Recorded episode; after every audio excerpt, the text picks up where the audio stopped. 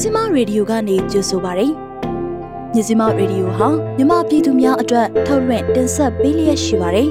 ။ကျမတို့ရဲ့မြစီမရေဒီယိုကိုနေ့စဉ်ည6နာရီခွဲမှည9နာရီခွဲထိလိုင်းဒိုမီတာ16မီတာစက္ကွန်တသမခွန်3 MHz ကနေပြီးတော့ဖမ်းယူနိုင်နိုင်ပါပြီ။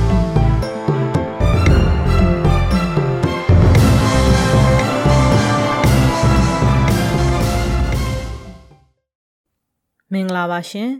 မြန်မာနိုင်ငံသူနိုင်ငံသားတွေဘေးကင်းလုံခြုံပြီးစိတ်ချမ်းသာကိုကျန်းမာစွာဖြတ်သန်းနိုင်ကြပါစေလို့မြစည်းမရေဒီယိုဖွဲ့သူဖွဲ့သားတွေကဆုတောင်းမေတ္တာပို့လိုက်ရပါတယ်ဇန်နဝါရီ23ရက်နေ့ကြာသပတေးနေ့ညမြစည်းမရေဒီယိုရဲ့သတင်းတွေကိုကျမဝေယံမိုးမြင့်နဲ့အတူမှုကပါတင်ဆက်ပေးမှာပါဒီနေ့ညရဲ့သတင်းတွေထဲမှာဥဝနမောင်လွင်တက်မဲ့အာဆီယံနိုင်ငံသားရေးဝန်ကြီးများအစည်းအဝေးကိုအကန့်အသတ်မရှိရွှေ့ဆိုင်းလိုက်တဲ့သတင်း ဖာပုံခရိုင်မှာစစ်ကောင်စီတပ်လေကြောင်းတိုက်ခိုက်မှုကြောင့်ပြည်သူတအုပ်သေဆုံးပြီးတော့သုံးဒဏ်ရာရတဲ့တဲ့။ Omni Focus ကုမ္ပဏီပိုင် YBS 56ရင်နှစ်စီးအဝေးထိန်မိုင်းနဲ့ဖောက်ခွဲခံရတဲ့တဲ့။ပလဲမျိုးနဲ့ပထိုးတာကျေးရွာနဲ့ကျေးသမားကျေးရွာတွေကိုစစ်ကောင်စီကရဟတ်ရင်နဲ့လာရောက်ပစ်ခတ်နေတဲ့တဲ့။စတဲ့သတင်းတွေကိုတင်ဆက်ပေးမှာပါ။သတင်းတွေပြီးမှတော့စီးပွားရေးသတင်းတွေနိုင်ငံတကာသတင်းတွေ နားဆင်ခံစားစောင်းပါးများအစီအစဉ်နဲ့ BNI အစီအစဉ်တွေကိုလည်းနားဆင်ရဖို့ရှိပါတယ်။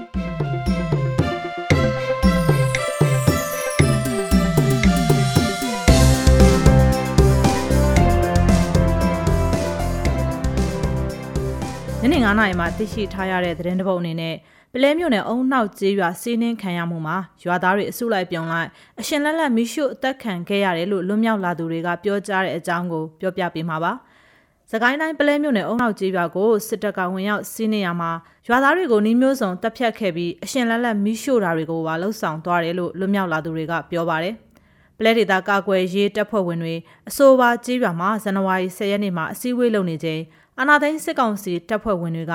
မနက်10:00နာရီဝန်းကျင်မှာလေကြောင်းကနေဘုံကျဲတိုက်ခိုက်ပြီးဝင်ရောက်စီးနင်းခဲ့ကြတာပါ။စီးနင်းမှုမှာအရှင်ဖမ်းဆီးခံရသူတွေကိုနှီးမျိုးစုံသုံးညှင်းပန်းနှိပ်စက်ကြပြီးတော့ ဒေသကာကွယ်ရေးဝစ်စုံဝစ်စင်ထားသူတွေကိုအဝတ်စားတွေအားလုံးချွတ်ပြီးလက်ပြန်ကျိုးတုတ်ခါတိုင်မာဆုချီပြီးအရှင်လက်လက်မိရှုတက်ဖြတ်ခဲ့တယ်လို့ပြန်လည်လွတ်မြောက်လာတဲ့ရွာသားတအုပ်ကပြောပါတယ်။တချို့ကိုလည်းလဲလီတက်ဖြတ်သွားတယ်လို့ဆိုပါတယ်။ပလဲမြို့နယ်ကတော်လှန်ရေးခေါင်းဆောင်ဘိုးနဂါရဲ့ညီကိုတော်သူရဲဘော်မောင်မြင့်ကိုလည်းလဲလီတက်ဖြတ်ပြီးဦးကောင်းကိုအိမ်သာတလုံးရဲ့အမိုးပေါ်ကိုတင်ထားခဲ့ကြတယ်လို့အုံနောက်ရွာကိုပြန်ရောက်လာခဲ့တဲ့ရွာသားတွေထံကနေသိရပါဗျ။ အုံနောက်ကြီးရွာကိုဝင်ရောက်စီးနင်းခဲ့တာကြောင့်ဒေသကာကွယ်ရေးတပ်သား20ဦးထပ်မံသေဆုံးခဲ့ပြီးတော့ပျောက်ဆုံးနေတဲ့ရွာသားတွေလည်းအများပြားရှိတယ်လို့လွတ်မြောက်လာသူတွေကဆိုပါတယ်။ကျေးရွာကနေတချို့ကိုမိရှို့ဖျက်ဆီးတာထမင်းဟင်းနဲ့အစားအသောက်တွေကိုအိမ်တလင်းဝိုင်းတွေမှာပတ်ကျဲမှောက်သွန်သွားတာတွေအပြင်နေအိမ်တွေမှာရှိတဲ့အဝတ်ထဲအသုံးဆောင်ပစ္စည်းတွေကိုစုပုံမိရှို့ခဲ့ကြတယ်လို့လည်းရွာသားတွေကပြောပါတယ်။ကားဆိုင်ကယ်အစီး40ကျော်ကိုလည်း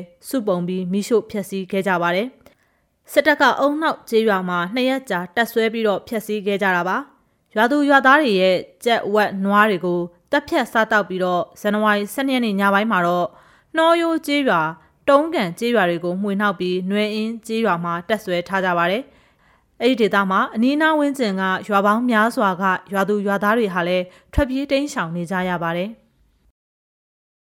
မြန်မာအာဏာသိမ်းစစ်အုပ်စုအပေါ်ဆက်ဆံကင်ကြွမှုနဲ့ပတ်သက်ပြီးအာဆီယံအုပ်စုအကြားအမြင်သဘောထားကွဲလွဲမှုနှက်ဆိုင်နေတဲ့လက္ခဏာရက်တွေရှိနေစဉ်မကြောင်မီကျင်းပဖို့ရှိနေတဲ့အာဆီယံနိုင်ငံခြားရေးဝန်ကြီးများအစည်းအဝေးကိုယခုအခါအချိန်ကန့်သတ်မရှိရွှေ့ဆိုင်းလိုက်ကြောင်းသိရပါတယ်။ဒါအတွက်ကြောင့်အခုနှစ်အာဆီယံအလှည့်ကျဥက္ကဋ္ဌတာဝန်ယူတဲ့ကမ္ဘောဒီးယားအတွက်အဆမကောင်းတဲ့အခြေအနေတစ်ခုဖြစ်ခဲ့ပါတယ်။အခုနှစ်ဇန်နဝါရီလ19ရက်နေ့မှာအပန်းဖြေမြို့ စီရန်နီမှာကျင်းပဖို့စီစဉ်ထားခဲ့တဲ့အာဆီယံနိုင်ငံသားရေးဝန်ကြီးများအစည်းအဝေးကိုရွှေ့ဆိုင်းလိုက်ရကြောင်းနဲ့အကြောင်းမှာအာဆီယံနိုင်ငံတွေရဲ့အဖွဲ့ဝင်ဝန်ကြီးအချို့ဟာအစည်းအဝေးကိုလူကိုယ်တိုင်တက်ရောက်ဖို့အခက်အခဲရှိနေ၍ဖြစ်ကြောင်းကမ္ဘောဒီးယားနိုင်ငံရေးဝန်ကြီးဌာနကပြောပါတယ်။ အာဆီယံနိုင်ငံသားရေးဝန်ကြီးများအစည်းအဝေးပြန်လည်ကျင်းပမယ့်ရက်ကိုလက်ရှိအချိန်မှာမသတ်မှတ်ရသေးပါဘူး။အာဆီယံအဖွဲ့ဝင်နိုင်ငံတနိုင်ငံဖြစ်တဲ့မလေးရှားရဲ့နိုင်ငံသားရေးဝန်ကြီးဆိုင်ဖူတင်အဗဒူလာဟာအဲ့ဒီနိုင်ငံရဲ့မကြသေးခင်ကဖြစ်ခဲ့တဲ့ရေလွှမ်းမိုးမှုနဲ့ဆက်လျေးမီအရေးပေါ်ပါလီမန်အစည်းအဝေးတစ်ခုရှိနေတာကြောင့်အာဆီယံအစည်းအဝေးတက်ရောက်နိုင်မှာမဟုတ်ကြောင်း၎င်းရဲ့ပြောရေးဆိုခွင့်ရှိသူတို့ကပြောခဲ့ပါတယ်။မိတို့ပင်ဆိုစီကမို့ဆိုင်ဖူတင်ကဲ့သို့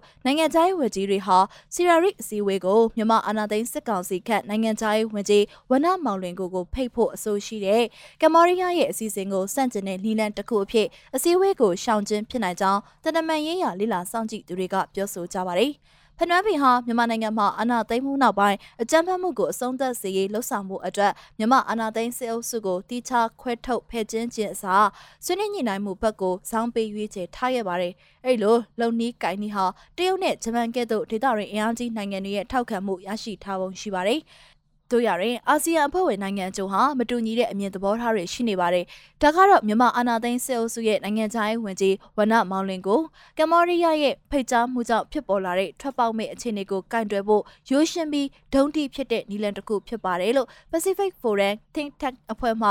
WXD Harder အသင်းဝင်တအုပ်ဖြစ်တဲ့ Hunter Markston ကပြောခဲ့ပါတယ်။ အာဆီယံအုပ်စုဟာမနှစ်ကမြန်မာအာဏာသိမ်းစစ်အုပ်စုခေါင်းဆောင်တွေကိုအာဆီယံထိပ်သီးစည်းဝေးကိုမဖိတ်ဖဲချန်လက်ထားဖို့ဆုံးဖြတ်လှုံ့ဆော်ထားခဲ့ပါတယ်။ကင်ပြည်နယ်ဖာပွန်ခရိုင် KMU တပ်မဟာ9နယ်မြေတွင်းမှာရှိတဲ့ဒွဲလူမြို့နယ်ဝေါ်မူကြီးရွာအုပ်စုရွှေညောင်ပင်ကြီးရွာကိုစစ်ကောင်စီကလေရင်နှစီးနဲ့ဇန်နဝါရီ23ရက်ဒီနေ့မနက်တနာရီအချိန်ကဘုံကျဲတိုက်ခိုက်ခဲ့ရမှာဒေသခံပြည်သူတအုပ်သေဆုံးပြီးတော့ သုံးဒဏ်ရာရရှိခဲ့တယ်လို့ KNN တပ်မဟာ9ပြောခွင့်ရသူဒုတိယဗိုလ်မှူးကြီးစောကလေတို့ကမြစည်းမကိုအတည်ပြုပြောပါတယ်။ရွှေညောင်မင်းကျေးရွာကိုစစ်ကောင်စီကလေရင်နှစ်စီးနဲ့ဘုံလေးလုံးလာရောက်ကျဲချတိုက်ခိုက်ခဲ့တာဖြစ်ပြီးတော့လူနေငါးလုံးဘုံထိမှန်ပျက်စီးခဲ့တယ်လို့ဆိုပါတယ်။ဒွယ်လိုမျိုးနယ်ကိုစစ်ကောင်စီတပ်ကလေကြောင်းနဲ့၃ရက်စက်တိုက်ဘုံကျဲတိုက်ခိုက်ခဲ့တာဖြစ်ပါတယ်။ တက်မဟာငါးမှာလေရင်ပြန်နဲ့လာပစ်တာစိတ်လာတယ်လို့ပြောလို့ရပါတယ်။သူတို့ပစ်တဲ့နေရာတွေကလည်းလူလူနဲ့ပတ်သက်တဲ့နေရာတွေပဲဖြစ်နေတယ်။ညကသူတို့ရွှေညောင်မင်းဒေသကိုလာပစ်သွားပါတယ်။တေတာတယောက်ထိခိုက်ဒဏ်ရာရသွားတာ၃ယောက်ရှိပါတယ်လို့ဒုဗိုလ်မှူးကြီးစောကလေတို့ကပြောပါတယ်။ဘုံထိမှန်သွားတဲ့အဆောက်အုံတွေဟာကင်မျိုးသားအစည်းအရုံး KMU နဲ့သက်ဆိုင်ခြင်းလုံးဝမရှိဘဲအရက်သားနေထိုင်တဲ့လူတွေအိမ်တွေသာဖြစ်တယ်လို့ KMU ကပြောဆိုပါတယ်။ အာဏာသိမ်းပြီးတစ်နှစ်နီးပါးအထိအုပ်ချုပ်ရေးကိုထိထိရောက်ရောက်ဆောင်ရွက်နိုင်ခြင်းမရှိသေးတဲ့အပေါ်နယ်မြေစိုးမိုးမှုယူထားတဲ့ကန်နဒီတက်တွေနောက်ဆုတ်သွားဖို့ရဲရွာတွေကိုလေကြောင်းနဲ့ချင်းချောက်တိုက်ခိုက်တာဖြစ်နိုင်တယ်လို့ဒုဗိုလ်မှူးကြီးစောကလေတို့ကသုံးသပ်ပါတယ်။သူတို့ကလူထုကိုလာပစ်သွားတယ်။သဘောကတော့လူထုတွေကအမှန်ငါတက်မဟာတက်ဖွဲ့ကိုဖိအားပေးဖို့အနေနဲ့စဉ်းစားချက်လည်းဖြစ်နိုင်ပါတယ်။ဒါပေမဲ့ဘလို့ပဲဖြစ်ဖြစ်သူတို့လာပစ်သွားပြီးပြီဆိုတော့ဒီဘက်ကလည်းကျေးလက်ဒေတာကနေပြန်ပြီးဆုတ်ခွာသွားမှာမဟုတ်ပါဘူး။ကိုယ်နယ်မြေကိုဒေတာကိုထိမ့်သိမ့်တဲ့အနေနဲ့ သူတို့ရဲ့စေအုပ်ချုပ်ရေးလုံးဝမတက်ရောက်စေဖို့ကတော့ဒီဘက်ကတာဝန်ရှိတဲ့ပုံမှာပြန်လည်ခုခံတွန်းလှန်ဖို့ဒီဇိုင်းမမတ်လုပ်သွားမှာပါလို့ဒုဗိုလ်မှူးကြီးစောကလေတို့ကပြောပါတယ်။ဆီယနာသိမ်းပြီးနောက်ခုခံတော်လှန်ပွဲကြောင့်စစ်ကောင်စီတပ်ဟာတနိုင်ငံလုံးအတိုင်းအတာနဲ့စစ်မျက်နှာဖွင့်ထားရချိန်မှာမြေပြင်စစ်ကြောင်းတွေအထိနာနေတာကြောင့်လေကြောင်းအားကိုပြီးရန်တမ်းပစ်ခတ်မှုတွေလုပ်နေတာဖြစ်တယ်လို့သူကသုံးသပ်ပါတယ်။ဒါအပြင်ဒွယ်လုံးမြို့နယ်လဲထူဖိုးဝါခါတဲနဲ့ထွီးသီးဦးကျေးရွာတွေမှာ အာနာသိန်းစစ်တပ်ကဇန်နဝါရီ12ရက်နေ့မနက်တနာရီကျော်ကလေရင်3စီးနဲ့ဘုံကားလုံးကျဲချတိုက်ခိုက်ခဲ့ရမှာလဲထူးဖိုမှာနှလုံးထွေသေးဟူကျေးရွာမှာဘုံသုံးလုံးကြားရောက်ပောက်ကွဲခဲ့တယ်လို့သိရပါတယ်။စစ်ကောင်စီဟာ KMU တပ်မဟာ9နဲ့တပ်မဟာ6နယ်မြေတွေအပြင်ကင်းနီပြည်နယ်လွိုင်ကော်မြို့နဲ့စကိုင်းတိုင်းမှာလေကြောင်းအင်အားတုံးပြီးဘုံကျဲတိုက်ခိုက်မှုတွေလုပ်နေပါတယ်။ဇန်နဝါရီ12ရက်နေ့ကဖာပွန်ခရိုင်အောက်ဖက်မှာစစ်ကြောင်းချီလာတဲ့စစ်ကောင်စီရင်နှန်းကို ကန်နဒီတပ်မဟာ9တပ်ဖွဲ့ဝင်တွေကတိုက်ခိုက်ခဲ့ရမှာနှစ်ဖက်တိုက်ပွဲဖြစ်ပွားခဲ့ပြီးတော့စစ်ကောင်စီရဲ့စစ်ကား၃စီးထိမှန်ပျက်စီးခဲ့တယ်လို့ KMU ကပြောဆိုထားပါတယ်။ဆက်လက်ပြီးတော့ကလေးနဲ့ဖလန်းတိုက်ပွဲတွေမှာစစ်ကောင်စီတပ်သား၉ဦးသေဆုံးတယ်ဆိုတဲ့သတင်းကိုပြောပြပေးမှာပါ။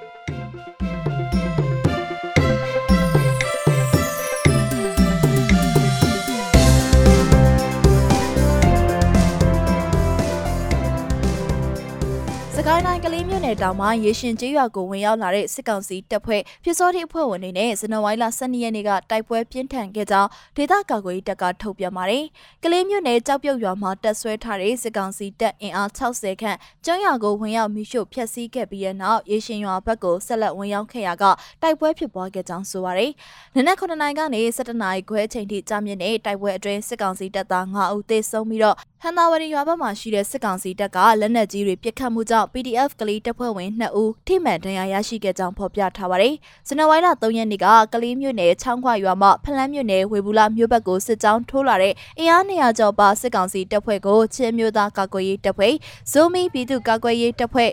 ဇန်နဝါရီလ6ရက်နေ့ကကလေးမြို့နယ်ချောင်းငါရွာမှာဖလန်းမြို့နယ်ဝေဘူးလာမြို့ဘက်ကိုစစ်ကြောင်းထိုးလာတဲ့အင်အား200ကျော်ပါတဲ့စစ်ကောင်စီတပ်ဖွဲ့ကိုချင်းမျိုးသားကာကွယ်ရေးတပ်ဖွဲ့ဇိုမီပြည်သူ့ကာကွယ်ရေးတပ်ဖွဲ့ပြည်သူ့ကာကွယ်ရေးတပ်ဖွဲ့ပကဖာနဲ့ PDF ကလေးပူးပေါင်းတပ်ဖွဲ့တွေကကြားဖြတ်တိုက်ခိုက်ရာမှာစစ်ကောင်စီတပ်ဖွဲ့ဝင်တွေအ ਨੇ ဆုံး၄ဦးသေဆုံးကြောင်းဖော်ပြထားပါတယ်။ ဇန်နဝါရီလ9ရက်နေ့မှာစစ်ကောင်စီတပ်ဖွဲ့ဝင်တွေဟာဝေဘူးလာမြို့ကိုရောက်ရှိပြီးတော့ဖလန်းမြို့ကိုဆက်လက်စစ်ကြောင်းထိုးနေရာချင်းမျိုးသားကာကွယ်ရေးတပ်ဖွဲ့ CNDF ကခုခံတိုက်ခိုက်နေကြောင်းထုတ်ပြန်ချက်ထဲမှာဖော်ပြထားပါတယ်။ရန်ကုန်တိုင်းအလုံမြို့နယ်သခင်မြပန်းချံဘေးမှာ Omni Focus ကုမ္ပဏီရဲ့ YBS 56ရင်နှစ်စီးကိုဇန်နဝါရီ23ရက်ဒီနေ့မနက်အစောပိုင်းက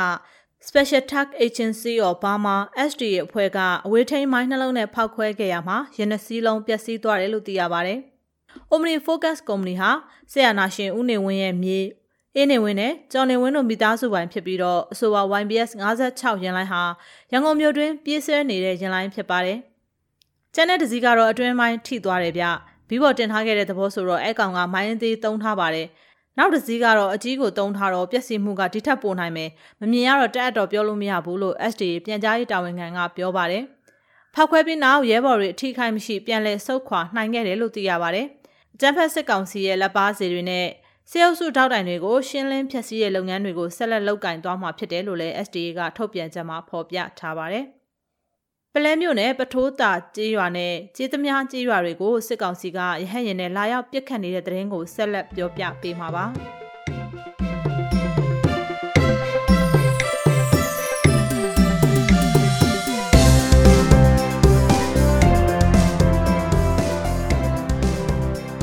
စကိုင်းတိုင်းဒေသကြီးရင်းမာပင်ခရိုင်ပလဲမြို့နယ်ပထိုးတာကျေးရွာနဲ့ကျေးသမားကျေးရွာတို့ကိုဒီကနေ့ဇန်နဝါရီလ23ရက်နေ့နေ့လယ်တနာရီကျော်မှာစစ်ကောင်စီကရဟန့်ရင်နဲ့လာရောက်ပစ်ခတ်နေကြောင်းဒေသခံတွေရဲ့ပြောကြားချက်အရသိရပါဗျ။အဆိုပါပစ်ခတ်မှုကြောင့်ဒေသခံတွေဟာဘေးလွတ်ရာကိုထွက်ပြေးနေကြရပြီးလူထိခိုက်သေဆုံးမှုအခြေအနေကိုတော့မသိရှိရသေးကြောင်းဒေသခံတွေရဲ့ပြောပြချက်အရသိရပါဗျ။ဒီကနေ့နေ့လယ်တနာရီကျော်လောက်မှာရဟန့်ရင်တစည်းနဲ့လာပြီးပစ်ခတ်သွားတဲ့လူထိခိုက်မှုကတော့မသိရသေးဘူး။ရွာသားတွေကတော့ဘေးလွတ်ရာကိုထွက်ပြေးနေရပြီးအခြေအနေတွေကရှုပ်ထွေးနေတော့ဘာမှမသိဘူးမပြောနိုင်သေးဘူးဖြစ်နေတယ်လို့ပလဲမြို့နယ်ဒေသခံတအူးကပြောပါတယ်ဇန်နဝါရီလ12ရက်နေ့ကလည်းစကိုင်းတိုင်းဒေသကြီးကတာမြို့နယ်မိုးတာကြီးကြီးရွာကိုစစ်ကောင်စီကရဟရင်သုံးစီးနဲ့လာရောက်ပစ်ခတ်မှုကြောင့်လူနေအများအပြားပျက်စီးခဲ့ပြီးတော့အသက်10နှစ်အရွယ်ကလေးငယ်တအူးကြီးထိမှန်သေဆုံးမှုရှိခဲ့ကြောင်းဒေသခံတွေထံကနေသိရပါတယ်စကိုင်းတိုင်းဒေသကြီးပလဲမြို့နယ်ရှမ်းမပင်မြို့နယ်ကဏီမြို့နယ်နဲ့စလင်းကြီးမြို့နယ်တို့မှာ2021ခုနှစ်ဒီဇင်ဘာလတလလုံးနီးပါးစစ်ကောင်စီတပ်တွေနဲ့ဒေသခံပြည်သူသူ့ကာကွယ်ရေးတပ်ဖွဲ့ဝင်တွေအကြားအပြင်းထန်တိုက်ပွဲဖြစ်ပွားခဲ့ကြောင်းသိရပါတယ်။ကင်းနီပြည်နယ်လွိုင်ကော်မြို့နယ်ဒေါအုခုရွက်ကွက်မှာရှိတဲ့ကက်သလစ်ဖျားကျောင်းကိုစစ်ကောင်စီတပ်ကဇန်နဝါရီ12ရက်နေ့မှာစစ်လေယာဉ်နဲ့ဘုံကျဲတိုက်ခိုက်ခဲ့တာကြောင့်ထိခိုက်ပျက်စီးခဲ့ရပါတယ်။ KNY ပြည်နယ်အတွင်းစစ်ကောင်စီတပ်ရဲ့လက်နက်ကြီးပစ်ခတ်မှုကြောင့်ကက်သလစ်ဖျားကျောင်း9ကျောင်းထိခိုက်ပျက်စီးသွားပြီဖြစ်ပါတယ်။အဲ့ဒီပျက်စီးသွားတဲ့ဖျားကျောင်း9ကျောင်းဟာဖေခုံဒီမော့ဆိုဒေါငန်ခါဖရူဆို ကယန်းတာယာစံပြ6မိုင်နဲ့လွိုင်ကောဒေါအုတ်ခုမှာရှိတဲ့ဘုရားကျောင်းတွေဖြစ်ကြပါတယ်။ ချင်းပြည်နယ်မတူပီမြို့နယ်မှာတိုက်ပွဲတွေဇက်တိုက်ဖြစ်ပွားနေခြင်းကြောင့်ကုန်ကားတွေဝင်ရောက်လာနိုင်ခြင်းမရှိတာကြောင့်ရိတ်ခါပြက်လက်မှုကြုံတွေ့လာရကြောင်းဒေသခံတွေကပြောပါတယ်။မတူပီကစားနေရိတ်ခါတွေအလုံးကပခုတ်ကူကိုပဲအားကိုးနေရတာအရှင်ကတော့ပခုတ်ကူမင်းတက်မတူပီလန်အသုံးပြုပြီးတော့ကုန်ကားတွေကနေ့တိုင်းနေပါရှိတယ်။အခုတော့တိုက်ပွဲဖြစ်ပွားတာကြောင့်အဲ့ဒီလမ်းကအသုံးပြုလို့မရတော့ဘူး။ဒါကြောင့်ပခုတ်ကူကန့်ကောရေစွာမတူပီလမ်းကိုအသုံးပြုပြီးကုန်ကားတွေကလာလို့ရသေးတယ်။ခရီးကတော့နှစ်ဆပိုဝေးတာပေါ့။အခုကျတော့မတူပီဟာခါလမ်းမှာတိုက်ပွဲတွေဖြစ်လာတော့ကားဆရာတွေကမလာရဲကြတော့ဘူးမတူပီမှာပတ်စံရှင်တော့ဘာမှဝယ်စရာမရှိတော့ဘူးလို့မတူပီဒေသခံတို့ကပြောပါတယ်လက်ရှိမတူပီမှာဓာတ်ဆီ1လီတာကျပ်9000ဖြင့်ပေးဝယ်နေရတဲ့တိုင်ရောင်းချမဲ့ဆိုင်တွေမရှိဘူးလို့ဆိုပါတယ်မတူပီဟာခါလမ်းကျောမှာရှိတဲ့ကီလုံးနဲ့လုံလောရွာချားမှာစစ်ကောင်စီတပ်ဖွဲ့တွေနဲ့ချင်းပြည်သူကာကွယ်တပ်ဖွဲ့မတူပီ CDF မတူပီတို့တိုက်ပွဲတွေဖြစ်ပွားနေပြီးတော့စစ်တပ်ကဒေသခံပြည်သူ10ဦးကိုရခုရက်ပိုင်းတွင်ပြစ်တက်ခဲ့တယ်လို့ဒေသခံတွေထံကသိရပါတယ်ရွာသူရွာသားတွေကိုလမ်းပြအဖြစ်အသုံးပြုဖို့လိုက်လံဖမ်းဆီးခြင်းတွေကြောင့်ရွာပေါင်း17ရွာမှပြည်သူပေါင်း900ကျော်တောတောင်တွေကိုထွက်ပြေးတိမ်းရှောင်နေကြရပါတယ်။ဆက်လက်ပြီးတော့မတူပီတို့သွားတဲ့စစ်ရင်နဲ့လန်တက်ရှောင်းလက်နက်ကြီးများပစ်ချီတက်နေတဲ့တဲ့ရင်ကိုတင်ဆက်ပေးကြပါမယ်။ချင်းပြည်နယ်မင်းတပ်မြို့ကနေမတူပီကိုသွားနေတဲ့တန်ကြက်ကကားနှစ်စီးအပါဝင်ရင်83စီးပါတဲ့စစ်ရင်နဲ့ဟာလန်တလျှောက်ကရွာတွေကိုလက်နက်ကြီးတွေနဲ့ပစ်ပြီးချီတက်နေတယ်လို့မင်းတပ်ပြည်သူ့အုပ်ချုပ်ရေးအဖွဲ့ထံကနေသိရပါဗျ။ စစ်ရင်နှန်းကို CDF မင်းတပ်အဖွဲ့ကအကြိမ်ကြိမ်ဂျားဖြတ်တိုက်တော့စစ်တပ်ကလမ်းတစ်လျှောက်မှာရှိတဲ့ရွာတွေအိမ်တွေကိုလက်နက်ကြီးတွေနဲ့ပစ်ပြီးမှတက်လာကြပါတယ်။စစ်ရင်နှန်းမှာပါတဲ့ရှေ့ပြေးအယောက်30လောက်ကခြေတက်ရင်းနဲ့လမ်းတစ်လျှောက်မှာရှိတဲ့တောအုပ်တွေမြက်ခင်းတွေတစ်ပင်တွေကိုလက်လွတ်စပယ်မိရှို့သွားတာကိုလည်းတွေ့ရတယ်လို့ဒေသသတင်းရင်းမြစ်ကပြောပါတယ်။စစ်တပ်ကမိရှို့လိုက်တဲ့တောအုပ်တစ်ပင်တွေဟာအာဆီယံအမွေအနှစ်ဥယျာဉ်အဖြစ်သတ်မှတ်ထားတဲ့ ခေါင်းနုတုံတဘာဝကျိုးဝိုင်းဧရိယာအတွင်းမှာပါဝင်နေတဲ့နေရာတွေဖြစ်ပြီးတော့တဘာဝတတော်အကြီးအကျယ်ပျက်စီးခဲ့ရတယ်လို့လည်းဒေသခံတွေကဆိုပါတယ်။ကျွန်တော်တို့ဒေသခံတွေကဒီတတော်ကျိုးဝိုင်းအတွင်းမှာမိရှို့ဖို့မပြောနဲ့တားခေါင်မပြစ်ရဘူးတစ်ပင်မခုတ်ရဘူးဒါကအာဆီယံမွေနှစ်နဲ့ဆိုင်တဲ့ဥယျာဉ်လေအခုစစ်တပ်ကသူတို့ကြောက်ပြီးတော့လက်နက်ကြီးတွေနဲ့ရှောက်ပစ်ပါတယ်ဘေးပတ်လည်းတက်တော်တွေထဲမှာ CDF တွေပုံနေတယ်ထင်ပြီးတော့မီးလျှောက်ရှို့ကြတာနေမှာလို့ဒေသခံကပြောပါတယ် ခေါနုတုံမြို့သားဥယျာဉ်တဘာဝထိန်းသိမ်းရေးနယ်မြေဟာချင်းပြည်နယ်ကံပတ်လန်မင်းတပ်နဲ့မတူပီမြို့နယ်တွေအတွင်းမှာရှိပြီးတော့အရှိတောင်အာရှမှာအမြင့်ဆုံးမြေသားတောင်လည်းဖြစ်ပါတယ်ရှင်။ကျမတို့ရဲ့မြစီမရေဒီယိုကိုနေ့စဉ်ညနေ6နာရီခွဲမှ9နာရီခွဲအထိတိုင်းတူမီတာ16မီတာ7.3တက်မှခွန်3 MHz ကနေပြီးဖမ်းယူနိုင်နိုင်ပါပြီ။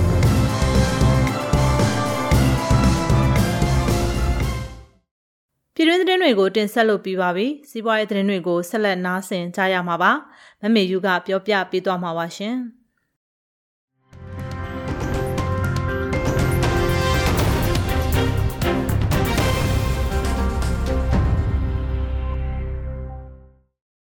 မင်္ဂလာပါရှင်ဒီကနေ့အတွက်ရရှိထားတဲ့စီးပွားရေးသတင်းတွေကိုစတင်နားဆင်ရပါတော့မယ်ရွှေတစ်ချက်သားကိုကျပ်18သိန်း9000နီးပါးအထိရောက်ရှိနေပြီးအရင်နေ့တွေကထက်ကျပ်4000နီးပါးခုန်တက်လာတဲ့ဆိုတဲ့သတင်းကိုပထမဆုံးအနေနဲ့နားဆင်ရမှာပါရွှေတစ်ချက်သားဟာအခုဆိုရင်တော့ကျပ်18သိန်း9000နီးပါးထိရောက်ရှိနေပါပြီဒါဟာအရင်နေ့တွေကထက်ကျပ်4000နီးပါးခုန်တက်လာတာဖြစ်ပြီးဒေါ်လာဈေးနှုန်းတက်တဲ့အတွက်ရွှေဈေးနှုန်းမြင့်တက်နေတာဖြစ်တဲ့ဆိုပြီးရန်ကုန်တိုင်းဒေသကြီးရွှေလုပ်ငန်းရှင်များအသင်းထံမှသိရပါတယ်ဇန်နဝါရီလ10ရက်ညနေပိုင်းအပိတ်ဈေးအရကတော့16ပဲရေရွှေတစ်ချက်သားကိုကျပ်18သိန်း3900တာရှိခဲ့ပေမဲ့ဇန်နဝါရီလ17ရက်မနက်ဈေးဖွင့်ချိန်မှာတော့18သိန်း9000နီးပါးအထိရောက်ရှိသွားတာပါလက်ရှိရွှေဈေးနှုန်းမြင့်တက်ရခြင်းအကြောင်းရင်းကတော့ဒေါ်လာဈေးမြင့်တက်လာခြင်းကြောင့်ဖြစ်နိုင်ကြောင်းရွှေလုပ်ငန်းရှင်တွေကသုံးသပ်နေပါတယ် ကမ္ဘာရွှေဈေးမှာတော့မြင့်တက်ခြင်းမရှိပဲမြမရွှေဈေးကပဲမြင့်တက်နေတာပါဇန်နဝါရီလ17ရက်ကမ္ဘာရွှေဈေးကတော့တအောင်စကို1809ဒေါ်လာရှိတာဖြစ်ပြီးဇန်နဝါရီလ10ရက်မနက်ပိုင်းဈေးနှုန်းထက်ကိုတအောင်စကို16ဒေါ်လာထိမြင့်တက်ခဲ့တာလည်းဖြစ်ပါတယ် ပြည်တွင်းမှာတော့ရွှေဈေးကွက်ဟာမြင့်တက်နေပေမဲ့လက်ရှိရွှေဈေးမှာတော့ရွှေအိုင်နေပြီးတော့ဈေးကွက်အေးနေကြောင်းလည်းသိရှိရပါတယ်။ပြည်တွင်းရွှေဈေးနှုန်းဟာဒေါ်လာဈေးနဲ့ကမ္ဘာရွှေဈေးအတက်အကျဝယ်လူအားတို့အပေါ်မှာမှုတည်နေရပါ။ပြီးခဲ့တဲ့စက်တင်ဘာလနောက်ပိုင်းကလည်းဒေါ်လာဈေးနဲ့အတူပြည်တွင်းဝယ်လူအားမြင့်တက်ခဲ့ပြီးဈေးကွက်အတွင်းမှာရွှေပြတ်တဲ့အထီကိုဖြစ်ခဲ့ကြောင်းလည်းသိရှိရပါတယ်။ စစ်အာဏာသိမ်းပြီးတဲ့နောက်ပိုင်းထိမ့်မြအောင်ထိုးကျနေတဲ့မြန်မာကျပ်ငွေတန်ဖိုးကြောင့်ပြည်တွင်းရွှေဈေးဟာစက်တင်ဘာနှောင်းပိုင်းမှာအခောက်ရွှေတစ်ချက်သားကိုကျပ်22သိန်းကျော်အထိမြင့်တက်ခဲ့တာပါဒီနောက်အောက်တိုဘာလနောက်ပိုင်းကစတင်လို့တစ်ချက်သားကိုကျပ်18သိန်းအောင်ပြန်ကျခဲ့တာဖြစ်ပြီးအချမ်းပြင်းတစ်ချက်သားကိုကျပ်18သိန်း9000နဲ့ကျပ်18သိန်းကြားမှာအတက်ဈေးနဲ့လအတန်ကြာငြိမ်နေရလဲဖြစ်ပါတယ်ဒီနောက်ဆက်လက်နာဆင်ရမှာကတော့ ဘန်တော်ချိုင်းနာဟောင်ကောင်ကမြန်မာနိုင်ငံမှာဘဏ်လုပ်ငန်းအပြင်အာမခံလုပ်ငန်းမှာဆောင်ရွက်ဖို့မှတ်ပုံတင်ထားတဲ့သတင်းကိုနားဆင်ရမှာပါဘန်တော်ချိုင်းနာဟောင်ကောင် BOCHK ကမြန်မာနိုင်ငံမှာဘဏ်လုပ်ငန်းဆောင်ရွက်ခြင်းအပြင်အာမခံလုပ်ငန်းတွေပါလှုပ်ဆောင်ဖို့မှတ်ပုံတင်ထားပြီးဖြစ်တယ်လို့ကြေညာလိုက်ပါပြီ MYCO ရဲ့အချက်လက်တွေအရအာမခံလုပ်ငန်းနဲ့ပေးစင်ရမုံငွေလုပ်ငန်းမဟုတ်တဲ့ငွေရေးကြေးရေးဝန်ဆောင်မှုလုပ်ငန်းကသူတို့ရဲ့အဓိကစီးပွားရေးလုပ်ငန်းဖြစ်ကြောင်းဖော်ပြထားပြီး2020ပြည့်နှစ်ဇွန်လဒုတိယပတ်မှာဖွဲ့စည်းမှတ်ပုံတင်ထားပါတယ်။ ဘန်တော်ချိုင်နာဟောင်ကောင်ကနိုင်ငံအတွင်းဘဏ်ခွဲဖွင့်လှစ်ပြီးရရှိထားတဲ့နိုင်ငံခြားဘဏ်တွေကတခုဖြစ်ပြီးတော့စီးပွားရေးအဖွဲ့အစည်းများနိုင်ငံခြားမှာဖွဲ့စည်းပြီးပြည်တွင်းမှာလာရောက်လုပ်ကိုင်လို့တဲ့နိုင်ငံခြားစီးပွားရေးအဖွဲ့အစည်းတွေနဲ့ပြည်တွင်းစီးပွားရေးလုပ်ငန်းတွေကိုပါချင်းငွေထုတ်ချေးခွင့်ကိုစစ်ကောင်စီဗဟိုဘဏ်ကခွင့်ပြုထားပါတယ်။ဇန်နဝါရီ၁ရက်ကစတင်တဲ့တရုတ်မြန်မာနယ်စပ်ကုန်သွယ်မှုတွေမှာရွှန်ချက်တိုက်ရိုက်အသုံးပြုပေးချေခွင့်ကိုမြန်မာစီးပွားရေးဘဏ်နဲ့ချိတ်ဆက်ဆောင်ရွက်ခွင့်ရှိတဲ့တရုတ်ခြေဆိုင်ဘဏ်တစ်ခုထဲမှာ BOHCK လည်းပါဝင်ခဲ့ပါတယ်။ ဒါကြောင့်သွင်းကုန်ပို့ကုန်လုပ်ငန်းရှင်တွေအနေနဲ့ဆောင်ရွက်ခွင့်ရရှိတဲ့ POCHK မှာရွှန်စရင်ဖွင့်လှစ်ဆောင်ရွက်ရမှာဖြစ်ပြီးရွှန်ချက်တိုက်ရိုက်ပေးချေမှုပထမအဆင့်ကိုရွှန်ငွေ2ဘီလီယံ American ဒေါ်လာ314သန်းနဲ့စတင်မယ်ဆိုပြီးတော့လည်းကြေညာထားပါတယ်။ဘန်တော့ China ဟောင်ကောင်ဟာဟောင်ကောင်ငွေကြေးအာဏာပိုင်အဖွဲ့ကလိုင်စင်ထုတ်ပေးထားတဲ့ကုသရောင်းဝယ်ရေးဘဏ်၃ခုအနက်မှတစ်ခုလည်းဖြစ်ပါတယ်။ ဘင်္ဂလားဒေ့ရှ်ဘက်ကနေကြက်သွန်နီတင်သွင်းအခွန်တိုးကောက်နေလို့မြန်မာကုန်သည်တွေအရှုံးပေါ်နေရတဲ့တဲ့ရင်ကိုဆက်လက်နာဆင်ရမှာပါဘင်္ဂလားဒေ့ရှ်အစိုးရဟာပြပကနေတင်သွင်းတဲ့ကြက်သွန်နီတင်သွင်းမှုအခွန်တိုးမြင့်ကောက်ခံနေလို့မြန်မာကုန်သည်တွေအနေနဲ့အရှုံးနဲ့ရင်ဆိုင်နေရပြီးကြက်သွန်နီတင်ပို့မှုလည်းကျဆင်းနေပါတယ် အခုပွင့်လင်းရသည့်ဘင်္ဂလားဒေ့ရှ်နိုင်ငံမှာကြက်သွန်စိုက်ပျိုးကြတဲ့တောင်သူတွေဈေးကောင်းရအောင်လို့ပြပကနေတင်သွင်းလာတဲ့ကြက်သွန်တွေကိုအခွန်အခတွေတိုးကောက်တာဖြစ်လို့မောင်တော်နယ်ဆက်ကမြန်မာကုန်သည်တွေအရှုံးပေါ်နေရတာဖြစ်တယ်ဆိုပြီးမောင်တော်နယ်ကကုန်သည်တအုပ်ကပြောပါတယ်အရင်ကကြက်သွန်1ကီလိုကိုဘင်္ဂလားဒေါ်လာငွေ3တာကအခွန်ကောက်ခံရကနေအခုဆိုရင်တော့1ကီလိုကို 9ကာတာအထိကိုတိုးမြင့်ကောက်ခံနေရပါမြန်မာကုန်သည်တွေကလည်းအကျိုးမြတ်မြုံမှန်ပြီးပြည်မကကြက်သွန်ပွဲရုံနေနဲ့ချိတ်ဆက်ကပိတ်သားချင်းတိန်းတောင်းချီကြိုတင်မှားထားရတာတွေရှိနေတာတွေလည်းဖြစ်ပြီးတယူပို့ဆောင်နေစဉ်အတွင်းမှာဈေးကစားလိုက်တာဖြစ်တဲ့အတွက်ကြောင့်ကြက်သွန်ကုန်သည်တွေအနေနဲ့အကျိုးမြတ်မရှိဘဲမရောက်ချနိုင်ဘူးလို့လည်းဆိုထားပါတယ်မြန်မာဘင်္ဂလားနယ်စပ်ကုန်သွယ်မှုမြင့်တက်လာစေဖို့မြန်မာဘက်ကရှောင်းသူဈေးကွက်ပေါ်ပေါက်လာအောင်ဖော်ဆောင်နိုင်ရင်ကုန်သည်တွေအတွက်ပို့ပြီးတော့အဆင်ပြေလိမ့်မယ်လို့လည်းကုန်သည်တွေကသုံးသပ်ထားတာပါ မောင်တော်နယ်စပ်ကုန်သွယ်ရေးစခန်းမှ2020ခုနှစ်ဒီဇင်ဘာလအတွင်းဘင်္ဂလားဒေ့ရှ်နိုင်ငံကိုကြက်သွန်နေကီလို18တန်ကျော်တင်ပို့နိုင်ခဲ့ပြီးအမေရိကန်ဒေါ်လာ43သိန်းတန်ဖိုးအထိတင်ပို့ထားတယ်ဆိုပြီးမောင်တော်ကုန်သည်တွေရဲ့စာရင်းတွေအရသိရှိရပါတယ်။မပဲအသစ်ဈေးကွက်အခြေအနေကောင်းမွန်နေတဲ့တဲ့ရင်ကိုဆက်လက်နားဆင်ရမှာလည်းဖြစ်ပါတယ်။ အဝင်နှဲနေပေမဲ့မြန်မာမပဲအသစ်ဈေးကွက်အခြေအနေကောင်းမွန်နေတဲ့တဲ့တင်ကိုဆက်လက်နာဆင်ရမှာပါ။အေယာဝတီတိုင်းဒေသကြီးအတွင်းအချို့မြို့နယ်တွေကမပဲအသစ်တွေဈေးကွက်ကိုအဝင်နှဲနေပေမဲ့ပြပတင်ပို့မှုအလားအလာကောင်းနေလို့အယောင်းဝယ်သွက်နေကြောင်းသိရှိရပါတယ်။ဇန်နဝါရီလပထမပတ်အတွင်းမှာပဲမပဲစင်းတို့နေရာတတင်ကိုကျပ်4200ကနေ4000ခွဲအထိပေါက်ဈေးရှိနေပါတယ်။မပဲအဟောင်းကလည်းအသစ်ဈေးထက်ကိုကျပ်900နဲ့ကျပ်1000ခန့်သာဈေးကွာပြီးတော့အယောင်းဝယ်ဖြစ်နေတာပါ။ ဇန်နဝါရီလ9ရက်နေ့မှာအိန္ဒိယနိုင်ငံရဲ့ပြည်တွင်းပဲစင်းနှုန်းဟာတက်ကွက်တဲ့ကိုယူပီ100လောက်ဈေးတက်လာတာပါမပဲနဲ့ပဲစင်းကုန်ကိုကန့်သက်ကုန်စည်အဖြစ်ကင်းလွတ်ခွင့်ပြုလိုက်ပြီး9နှစ်တာဗဏ္ဍနှစ်အတွင်းတစ်နှစ်ကိုမပဲတန်ချိန်1.5သိန်းနဲ့ပဲစင်းကုန်တန်ချိန်3သိန်းကိုနှစ်စဉ်တင်သွင်းခွင့်အဖြစ်နှစ်နိုင်ငံအစိုးရချင်းသဘောတူလက်မှတ်ရေးထိုးပြီးတဲ့နောက်မြန်မာမပဲဝယ်လိုအားကောင်းနေပြီးမပဲအစ်စ်လဲဈေးကောင်းရနေတာဖြစ်ပါတယ် 2022ခုနှစ်အတွက်မြန်မာမပဲဈေးကွက်ဟာဈေးကွက်ကောင်အခြေအနေတွေရှိနေတာဖြစ်ပြီးအဖွင့်ဈေးကလည်းကာလတူအရင်နှစ်တွေထက်ပိုပြီးတော့ဈေးရရှိနေပေမဲ့ဒီနှစ်အတွင်းမှာတော့မြန်မာငွေလဲလှယ်နှုန်းကွာခြားချက်ကိုပါထည့်သွင်းစဉ်းစားဖို့လိုအပ်နေတာပါ။ဒါ့အပြင်အိန္ဒိယနိုင်ငံအစိုးရတွေရဲ့ပြည်တွင်းပဲဈေးကွက်ကိုထိန်းချုပ်ရန်လှုံ့ဆော်ချက်တွေအချိန်နဲ့တပြေးညီထုတ်ပြန်နေတဲ့မူဝါဒအပြောင်းလဲတွေကိုလည်းမျက်ခြေမပြတ်စောင့်ကြည့်ဖို့လည်းလိုအပ်ပါတယ်။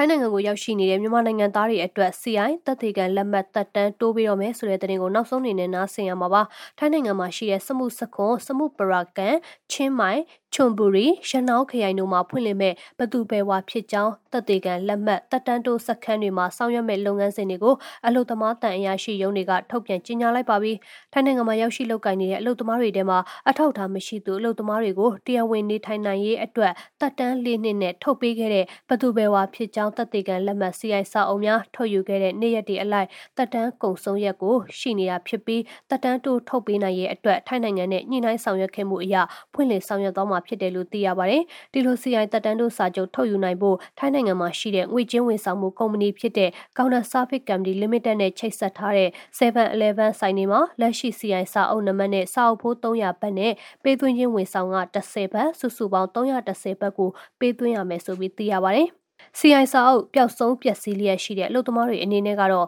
CI စာအုပ်ပျောက်ဆုံးပျက်စီးကြောင်းတိုင်ကြားထားတဲ့ထိုင်းရဲတပ်ဖွဲ့ရဲ့ထောက်ခံချက်ထိုင်းနိုင်ငံဆိုင်ရာမြန်မာတန်ယုံရဲ့ထောက်ခံချက်နဲ့အတူသက်ဆိုင်ရာ CI စခန်းတွေကိုလာရောက်လျှောက်ထားရမှာဖြစ်ပြီးခွင့်ပြုချက်ရရှိချိန်မှာ CI စာအုပ်ပျောက်ဆုံးပျက်စီးမှုအတွက်မူလစာအုပ်တန်ဖိုး300ဘတ်တန်ကြေး180ဘတ်စုစုပေါင်း480ဘတ်ကိုစခန်းတာဝန်ရှိသူထံကိုပေးသွင်းရမယ်လို့လည်းသိရပါတယ်။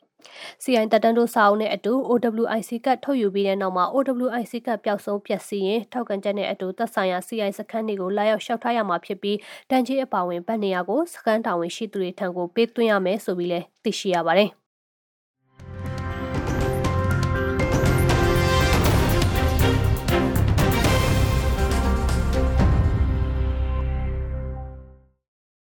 စီးပွားရေးသတင်းတွေအပြီးမှာတော့နိုင်ငံတကာသတင်းတွေကိုတင်ဆက်ပေးမှာပါကိုနေဦးမောင်ကပြောပြပေးသွားမှာပါ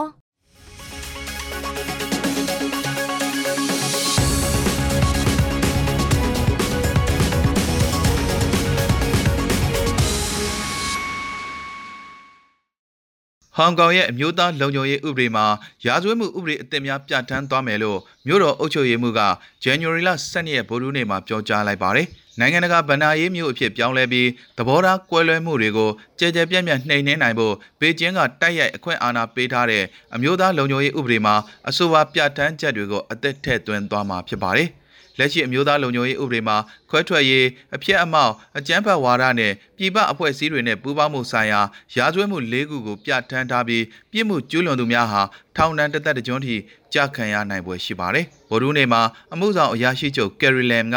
၎င်းရဲ့အစိုးရဟာဟောင်ကောင်ရဲ့အသေးစားဖွဲ့စည်းပုံအခြေခံဥပဒေပါပုံမှန်23နဲ့အညီဒေသန္တရပြဋ္ဌာန်းချက်အသစ်တွေကိုထည့်သွင်းသွားမှာဖြစ်ကြောင်း အတည်ပြုလိုက်ပါတယ်။ပုံမှန်23အတွက်ဥပဒေပြုရေးအလုပ်ဟာဟောင်ကောင်ဖွဲ့စည်းပုံအခြေခံဥပဒေဆိုင်ရာတာဝန်ပေးချက်ရဲ့တစိမ့်တစ်ပိုင်းဖြစ်ပြီးနောက်ထပ်နှောင့်နှေးနေလို့မရဘူးလို့လမ်ကလွှတ်တော်အမတ်တွေကိုပြောကြားခဲ့ပြီးဇွန်လအတွင်းမှာမူကြမ်းတစ်ခုထုတ်ပြန်နိုင်ဖို့ရည်မှန်းထားကြောင်းထပ်လောင်းပြောကြားခဲ့ပါတယ်။ ဘလို့ပြဋ္ဌာန်းချက်အသစ်တွေထည့်သွင်းမယ်ဆိုတာကိုတော့လမ်ကမပြောပြခဲ့ပါဘူး။ဒါပေမဲ့ပုံမှန်23ပါပြစ်မှုများစင်းရမှာနိုင်ငံတော်ပုံကံမှုခွဲထွက်မှုအထီးကယုံနဲ့အပြတ်မောက်လို့ရများဖန်တီးမှုနဲ့နိုင်ငံတော်လျှို့ဝှက်ချက်ခိုးယူမှုတို့ပါဝင်ပါတယ်။ဒါပြင်ဟောင်ကောင်မှာပြည်တွင်းနိုင်ငံရေးအဖွဲ့အစည်းတွေကိုပြည်ပနိုင်ငံရေးအဖွဲ့အစည်းများသို့မဟုတ်အလားတူနိုင်ငံရေးခြားအဖွဲ့အစည်းများနဲ့ဆက်သွယ်မှုထူထောင်မှုမလုပ်ဖို့တားမြစ်ထားပါတယ်။ကာဇက်တမဒကက်ဆင်ဂျိုမတ်တိုကယက်က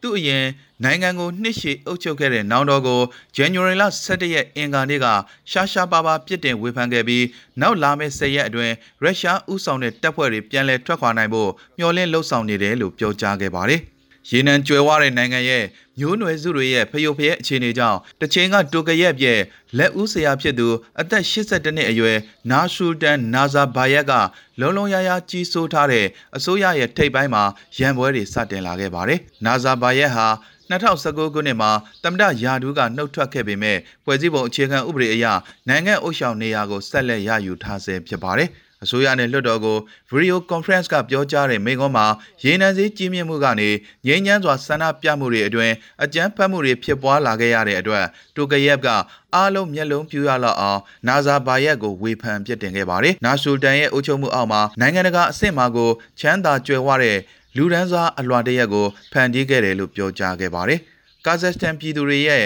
အခြေခံရပိုင်ခွင့်တွေကိုစနစ်တကျပြန်လည်ပေးအပ်ဖို့အချိန်ရောက်ပြီလို့ကျွန်တော်ယုံကြည်ပါတယ်လို့တိုကယက်ကပြောကြားခဲ့ပြီးအမျက်အစွန်းကြီးမားစွာရနေတဲ့ကုမ္ပဏီတွေစီက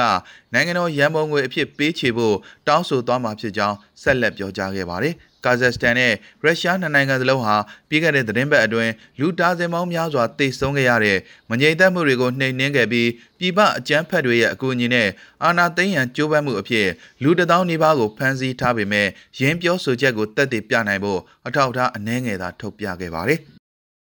တောင်အာဖရိကသမ္မတစီရီရာမာဖိုဆာကမိုဇမ်ဘစ်မြောက်ပိုင်းမှာဂျီဟက်ဝါဒီတွေတောင်းကျမ်းမှုကိုကင်တွယ်ရမှာ တိတိတသားတိုးတက်မှုရှိကြောင်း January လ17ရက်အင်္ဂါနေ့ကပြောကြားလိုက်ပါတယ်။တောင်ပိုင်းအာဖရိကဖွံ့ဖြိုးတိုးတက်ရေးအဖွဲ့ SADC ရဲ့ကာကွယ်ရေးနဲ့လုံခြုံရေးဆိုင်ရာဥက္ကဋ္ဌရာမာဖိုဆာကဒေတာရင်းတိုးတက်မှုကိုအကဲဖြတ်ပေးဖို့တောင်းဆိုတဲ့ထိပ်သီးအစည်းအဝေးမှာယခုလိုပြောကြားခဲ့တာဖြစ်ပါတယ်။ SADC အဖွဲ့ဝင်များနဲ့ရဝန္တာတို့ကတပ်ဖွဲ့ဝင်3000ကျော်ကိုခေါ်ယူပြီးရန်သူပတ်လည်ဝိုင်းနေတဲ့မိုဇမ်ဘစ်စစ်တပ်ကိုကူညီဖို့လွန်ခဲ့တဲ့6လကတည်းကစေလွတ်ခဲ့ပါတယ်။တပ်ဖြတ်မှုစကတည်းက တိတာတင်ရှားတဲ့တိုးတက်မှုတွေရခဲ့ပါတယ်လို့မော်လဝီမျိုးတော်ကနှစ်ရက်ကြာဆွေးနွေးပွဲ၌အဖွင့်အမှာစကားပြောကြားရမှာရာမာဖိုဆာကပြောကြားခဲ့ပါတယ်။ကာဘူလ်ဒယ်ဂါဒိုမှာရှိတဲ့လုံခြုံရေးအခြေအနေကပုံမကောင်းမွန်လာပြီးပြည်တွင်းနေရစွန့်ခွာသူတချို့ကို၎င်းတို့နေအိမ်တွေမှာပုံမှန်အတိုင်းပြန်လည်နေထိုင်နိုင်စေခဲ့တယ်လို့၎င်းကပြောကြားခဲ့ပါတယ်။မိုဇမ်ဘစ်တပ်ဖွဲ့များနေတူလှုပ်ရှားဆောင်ရွက်နေတဲ့ဒေသတွင်းတပ်ဖွဲ့များဟာဂျီဟက်ဝါဒီတွေတိုက်ခိုက်ခံရတဲ့ဒေသများသို့ လူသားချင်းစာနာထောက်ထားမှုဆိုင်ရာအကူအညီများကိုပို့ဆောင်ဖို့အတွက်ဘေးကင်းတဲ့လမ်းကြောင်းတစ်ခုကူညီဖန်တီးပေးနိုင်ခဲ့ကြောင်း၎င်းကပြောကြားခဲ့ပါတယ်။မိုဇမ်ဘစ်ရှိ SADC mission ကိုဇူလိုင်လမှာစတင်လှုပ်ဆောင်ခဲ့ပေမဲ့၎င်းရဲ့လုပ်ပိုင်ခွင့်ကိုအောက်တိုဘာလမှာအကန့်အသတ်မရှိတက်တန်းတိုးခဲ့ပါတယ်။တန်ဇန်နီးယားနဲ့နယ်နိမိတ်ချင်းထိစပ်နေပြီးဒန်းငွေကျွယ်ဝတဲ့ကာဘိုဒယ်ဂါဒိုဟာ 2019ခုနှစ်ကတည်းက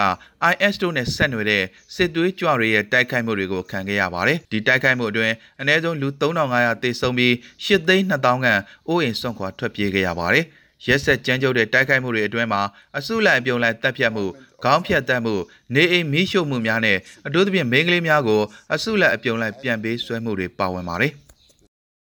သတင်းတစ်ပတ်အတွင်းမြောက်ကိုရီးယားကဒုတိယအကြိမ်ဒုံးကျည်တစ်စင်းစမ်းသပ်ပစ်လွတ်ခဲ့ပြီးတဲ့နောက်မှာအမေရိကန်က၎င်းရဲ့အနောက်ဘက်ကမ်းရိုးတန်းကလေကြောင်းပြန်တမ်းမှုအချို့ကိုခေတ္တရပ်ဆိုင်းထားခဲ့ကြောင်းတာဝန်ရှိသူတွေက January လ17ရက်အင်္ဂါနေ့မှာပြောကြားလိုက်ပါတယ်။စံတက်မှုတွေမှာတိတာထင်ရှားတဲ့တိုးတက်မှုတွေတွေ့ရကြောင်းတောင်ကိုရီးယားကသတိပေးခဲ့တဲ့ဒုံးကျည်ပစ်လွတ်မှုအပြီးတနင်္လာနေ့ညနေပိုင်းမှာအနောက်ဘက်ကမ်းရိုးတန်းတစ်လျှောက်ရှိလေဆိပ်တချို့မှာပြန်တမ်းမှုတွေခေတ္တရန်နာထားခဲ့ကြောင်းဗဟိုလေကြောင်းစီမံခန့်ခွဲရေး FAA ကပြောကြားခဲ့ပါတယ်။ပြုံယမ်းကအတန်ထက်မြန်တဲ့ဒုံးကျည်လို့ပြောပေမဲ့တောင်ကိုရီးယားကတန်တရားရှိနေတဲ့စမ်းသက်ပစ်လွတ်မှုအတွက်ကုလလုံခြုံရေးကောင်စီကနယူးယောက်မှာတွဲဆုံဆွေးနွေးနေချိန်အတွင်းယခုလိုဒုတိယကြိမ်ပြစ်လွတ်ခဲ့တာဖြစ်ပါတယ်။ အင်္ဂါနေ့ကပြစ်လွတ်လိုက်တဲ့တန်တရားဖြစ်ပွဲပဲ့တိန်ဒုံးကြီးကိုတော့အတန်ထက်မြန်တဲ့အရှိန်ကိုရောက်ရှိခဲ့ကြောင်းတောင်ကိုရီးယားစစ်တပ်ကဆိုပါတယ်။ကင်ဂျုံအန်အာဏာရလာပြီးနောက်ဆယ်စုနှစ်အတွင်းမြောက်ကိုရီးယားဟာနိုင်ငံတကာရဲ့ဒဏ်ခတ်ပိတ်ဆို့မှုကိုခံပြီး၎င်းရဲ့စီးရေးနည်းပညာမှာအရှိန်အဟုန်နဲ့တိုးတက်အောင်လှုပ်ဆောင်နိုင်ခဲ့တာကိုတွေ့ရပါတယ်။အင်္ဂါနေ့ကဒုံးကြီးဟာဂျပန်နိုင်ငံရဲ့အထူးစီးပွားရေးဇုံအပြင်ဘက်ကိုကြာရောက်ခဲ့ပြီးပျက်စီးဆုံးရှုံးမှုကိုသတင်းမရသေးပေမဲ့ဂျပန်ဝန်ကြီးချုပ် ဖူမီယိုကာရှီတာကအဆိုပါပြစ်လွတ်မှုဟာအလွန်ဝမ်းနည်းဖွယ်ရာကောင်းတယ်လို့ပြောဆိုခဲ့ပါတယ်။ပဲထိန်ဒုံးကြီးပြစ်လွတ်မှုကိုအမေရိကန်ကရှုံချခဲ့ပြီးတောင်ကိုရီးယားနဲ့ဂျပန်နှစ်နိုင်ငံစလုံးကိုကာကွယ်သွားမယ်၎င်းရဲ့ကတိကဝတ်ကိုထပ်လောင်းအတည်ပြုခဲ့ပါတယ်။ဒီပြစ်လွတ်မှုဟာကုလလုံခြုံရေးကောင်စီရဲ့ဆုံးဖြတ်ချက်အများပြားကိုချိုးဖောက်ပြီးမြောက်ကိုရီးယားဟာအိန္ဒိချင်းတွေနဲ့နိုင်ငံတကာကိုချင်းချောက်နေတာဖြစ်တယ်လို့နိုင်ငံရေးဌာနကပြောကြားခဲ့ပါတယ်။အင်္ဂါနေ့နက်နက် 9:28မိနစ်မှာကျွန်းဆွယ်ရဲ့အရှိတ်ပင်လယ်ပြင်အတွင်းကိုပြစ်ခတ်ခဲ့တဲ့ဒုံးကြီးဟာကီလိုမီတာ60အမြင့်ကနေအတန်တဲ့10ဆအမြန်နှုန်းနဲ့ပြန်တန်းခဲ့ကြောင်းစိုးရဲ့ပူးတွဲစစ်ဦးစီးချုပ်ရုံးကဆိုပါတယ်။ hypersonic ဒုံးကျည်တွေဟာအတန်တက်9ဆကနေ၎င်းထက်ပိုတဲ့အမြန်နှုန်းနဲ့တာလက်ပြစ်မှတ်တွေကိုတိုက်ခိုက်နိုင်ပြီးကြားပြတ်ဟန်တားနိုင်ဖို့နဲ့ခြေရာခံနိုင်ဖို့ခက်ခဲပါတယ်။ အမေရိကန်နဲ့ဂျပန်အပါအဝင်6နိုင်ငံကမြောက်ကိုရီးယားနဲ့နျူကလ িয়ার ဆွေးနွေးရေးရည်ရွယ်ပြီးဆွေးနွေးပွဲပြုလုပ်ဖို့ကုလလုံခြုံရေးကောင်စီကမြောက်ကိုရီးယားကိုတောင်းဆိုလိုက်ချိန်မှာအခုလိုဒုတိယအကြိမ်ပြုလုပ်ခဲ့တာဖြစ်ပါတယ်။ယူကရိန်းနယ်စပ်အကြက်တဲကိုကင်တွယ်ဖြည့်ရှင်းဖို့အတွက် NATO ရုရှားဆွေးနွေးပွဲအသစ်မတိုင်မီအမေရိကန်နဲ့၎င်းရဲ့ဥရောပမဟာမိတ်များက မိမိတို့ရဲ့ရည်တည်ချက်သဘောထားတွေကို January လ17ရက်အင်္ဂါနေ့ကတွေ့ဆုံညှိနှိုင်းခဲ့ကြပါတယ်။မော်စကိုကယူကရိန်းအနီးမှာတပ်တွေချထားခဲ့ပြီးကျယ်ပြန့်တဲ့လုံခြုံရေးဆိုင်ရာလိုက်လျောမှုတွေကိုတောင်းဆိုနေချိန်မှာဝါရှင်တန်နဲ့မော်စကိုကတန်တမန်တွေဟာထိတ်တက်ရင်ဆိုင်မှုတွေကိုရှောင်ရှားနိုင်ဖို့တနင်္လာနေ့ကဂျနီဗာမှာတွေ့ဆုံဆွေးနွေးခဲ့ကြပါတယ်။နေတိုးဟာရုရှားရဲ့အကြီးတန်းတန်တမန်တွေနဲ့မဟာမိတ်အဖွဲ့ဝင်နိုင်ငံတွေအကြားဆွေးနွေးပွဲတစ်ခုကိုဘရက်ဆဲမှာပြုလုပ်ဖို့ရှိပြီးမော်စကိုနဲ့အဆက်အသွယ်ဆိုင်းငံ့ထားမှုတွေတက်တန်းတိုးဖို့အတွက်လှုံ့ဆော်မှုရည်ရွယ်ထားပါတယ်။ဒီတွေ့ဆုံမှုအတွင်းရုရှားရဲ့တောင်းဆိုချက်တွေကိုအကြောင်းပြချက်မပေးဘဲ၎င်းရဲ့ယူကရိန်းကိုစစ်ရေးကျူးကျော်မှုအသစ်လှုံ့ဆော်ဖို့တွယ်ဝိုက်ချင်းချောက်မှုလို့တန်တမန်ရေးအရာဖြည့်ရှင်းနိုင်ဖို့အမေရိကန်ကမျှော်လင့်ထားပါတယ်။ရုရှားတွေကတန်တမာရေးလမ်းကြောင်းကိုအလေးနဲ့ထားပြီးမဆွေးနွေးဘူးလားဒါမှမဟုတ်စိတ်ဆက်ညှိနှိုင်းဖို့အလေးနဲ့ထားပြီးပြင်ဆင်ထားသလားဆိုတာပြောဖို့စောလွန်သေးတယ်လို့အင်ဘီရိုပြောခွင့်ရအမျိုးသမီးဂျန်ပစာကီကပြောကြားခဲ့ပါတယ် အမေရိကန်သမ္မတဂျိုးဘိုင်ဒန်ရဲ့ပြောခွင့်ရအမျိုးသမီးကယူကရိန်းနဲ့နေတိုးရဲ့ဆက်ဆံရေးဟာယူကရိန်းနဲ့နေတိုးမဟာမိတ်30တို့အရေးပဲဖြစ်ပြီးတခြားနိုင်ငံတွေဆုံးဖြတ်ဖို့မဟုတ်ဘူးလို့အခိုင်အမာပြောကြားခဲ့ပါတယ်။သို့သောသမ္မတဗလာဒီမီယာပူတင်ရဲ့ကရမ်လင်နန်းတော်ကဒါဟာအနောက်အုပ်စုတွေရဲ့စစ်အေးခေတ်အလွန်မိမိတို့မြက်ကင်းပြင်ဒေသကိုကျူးကျော်ရန်ကြိုးပမ်းမှုအဖြစ်ရှုမြင်ထားပြီးဝါရှင်တန်နဲ့ဥရောပမဟာမိတ်တွေကလည်းအလျှော့မပေးဖို့စိတ်အားထက်သန်နေပါတယ်။ ယူကရိန်းသမ္မတဗောလိုဒီမီဇီလန်စကီကပဋိပက္ခအဆုံးသတ်ရေးအတွက်မော်စကိုနဲ့ကီယက်တို့ကြားထိပ်သီးဆွေးနွေးပွဲမှာပြင်သစ်နဲ့ဂျာမနီတို့ပူးပေါင်းတက်ရောက်ဖို့၎င်းရဲ့တောင်းဆိုမှုကိုအင်္ဂါနေ့ကထပ်လောင်းအတည်ပြုပြောကြားခဲ့ပါတယ်။ကျမတို့ရဲ့မြစီမရေဒီယိုကိုနေ့စဉ်ညနေ6နာရီခွဲမှ9နာရီခွဲအထိ92မီတာ16မီတာ17တက်တမခွန်3 MHz ကနေပြီးဖမ်းယူနိုင်စင်နိုင်ပါပြီ။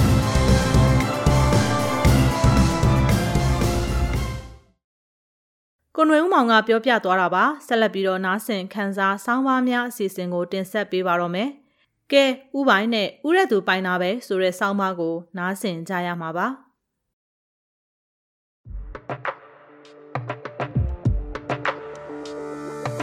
ကဲဥပိုင်နဲ့ဥတဲ့သူပိုင်နာပဲဆောင်းပါးကိုကျမမူကတင်ဆက်ပေးမှာပါ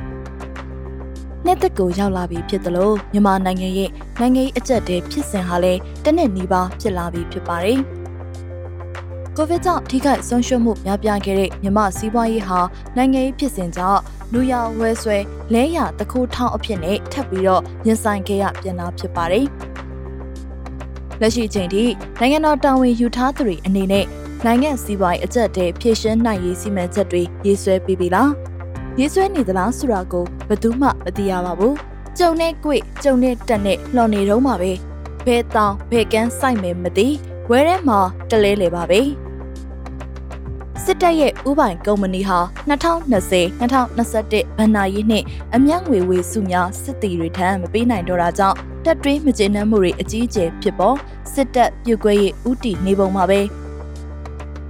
စစ်တပ်ပိုင်းမြမစီးပွားရေးဥပိုင်ကုမ္ပဏီဒီမီတက်က2020-2021ဘဏ္ဍာရေးနှစ်အတွက်အမျက်ငွေဝေစုတွေကိုစစ်သည်တွေထံထုတ်ပေးနိုင်တော့ခြင်းမရှိတာကြောင့်စစ်တပ်အတွင်းမကျေနပ်မှုတွေအကြီးအကျယ်ဖြစ်ပေါ်လျက်ရှိကြောင်းတပ်တွင်းစစ်သည်တွေကပြောတယ်လို့ရန်ကုန်ခေတ်ကသိရပါဗျ။ ပုံမှန်အပြင်စစ်တပ်မှအောက်ခြေစစ်သည်ကစတင်ပြီးတော့ထိတ်ဆုံးခေါင်းဆောင်အထိဥပိုင်ကုမ္ပဏီမှငွေကြေးမဖြစ်မနေထည့်ဝင်ရှယ်ယာဝင်ရပြီးတော့နှစ်စဉ်အမျက်ငွေဝေစုတွေထုတ်ပေးလေရှိကြောင်းဗန်နာယီနှစ်တစ်နှစ်အတွက်တစ်နှစ်အမျက်ငွေတစ်ကြိမ်ထုတ်ပေးလေးရှိပြီး2020ခုနှစ်အောက်တိုဘာလမှ2021ခုနှစ်စက်တင်ဘာလအထိဗန်နာယီနှစ်အတွက်အမျက်ငွေဝေစုတွေထုတ်မပေးတာကြောင့်တက်တွင်မကြေမနက်ဖြစ်ပေါ်လျက်ရှိကြောင်းစစ်တပ်တန်းဝိုင်းကသိရပါတယ်။ ဥပအမျက်ငွေဝေစုက2021ခုနှစ်စက်တင်ဘာလမှာတနစ်ပြည်သွားပေမဲ့အခု2022ခုနှစ်ဇန်နဝါရီလအထိဖြစ်နေပြီးဘာသတင်းမှမကြားသေးပါဘူး။စစ်တီတဦးချင်းရဲ့ရှယ်ယာပိုင်ဆိုင်မှုစည်ရင်သက်ဆိုင်ရာတရင်တပ်ဖွဲ့တွေမှအတီးပြုမေးမြန်းပြီးအမျက်ငွေဝေစုပြန်ထုတ်ပေးချိန်တန်ပါပြီအခုလုံးဝတရေမရဘူးကျွန်တော်တို့စစ်သည်တွေကနှုတ်မျိုးစုံနေနေပြီအောက်ခြေစစ်သည်တွေဆိုတာကိုထည့်ထားတဲ့ရှယ်ယာအစုပေါ်တစ်နှစ်ကိုတစ်ချိန်တော့အမျက်ငွေမျှော်လင့်ကြပါရယ် ကဲဥပိုင်နေဥတဲ့သူပိုင်တာပဲကဲတရင်မှာတော့ပါလာပါပြီ မြကျင်းနာခရိုင်တွင်မြန်မာပီယာတခုံပီယာနဲ့ ABC ပီယာတွေကိုမြို့ရင်းမြို့ပြင်ကျေးလက်ဒေသတွေနဲ့မြကျင်းနာပူတာအိုလန်မြကျင်းနာတနိုင်းလန်တလျှောက်တယူပို့ဆောင်ခြင်းမပြုလုပ်ဖို့စားသောက်ဆိုင်ကုံစုံဆိုင် KTV ဘာနဲ့စိုက်မျိုးစုံတို့မှာ၎င်းတို့ရဲ့ပစ္စည်းတွေမရောက်ချဖို့တမက်ရဲ့နောက်ပိုင်းရောင်းဝယ်ဖောက်ကားဆက်လက်ပြုလုပ်နေတဲ့မြေသည့်ဆိုင်ကိုမစိုးအရေးယူမှာဖြစ်ကြောင်းတယူပို့ဆောင်တဲ့ရှင်တွေကိုအရေးယူပိတ်ပင်မှုတွေပြုလုပ်သွားမှာဖြစ်ကြောင်းဖော်ပြထားပါတယ်။ KIO ဗဟိုပြန်ကြားရေးတာဝန်ခံဗိုလ်မှူးကြီးနော်ဘူကကျွန်တော်တို့ဗဟိုဆုံးဖြတ်ချက်နဲ့တွားတာမဟုတ်ဘူးအဓိကကတော့ NASA ကကြောထောက်နောက်ခံထုတ်ကုန်တွေကိုစန့်ကျင်တားမြစ်တဲ့သဘောလို့ဆိုပါတယ်မြစ်စုံအထက်ပိုင်းမှာလွန်ခဲ့တဲ့ match လကလေးကရွှေမော်ကြောက်မော်ရွာရီမှာမရောက်ဖို့တားမြစ်ပြီးသားလို့ကျွန်တော်တို့သိရပါတယ်။အရေးယူမဲ့အပိုင်းစစ်စစ်ဖို့အပိုင်းတွေကသက်ဆိုင်ရာခင်ရအရာရှိတွေနဲ့ပဲဆိုင်မဲထင်ပါတယ်။အခုလိုကန့်သက်တာတွေကထပ်တိုးလာနိုင်ဖို့လည်းရှိပါတယ်လို့ပြောပါတယ်။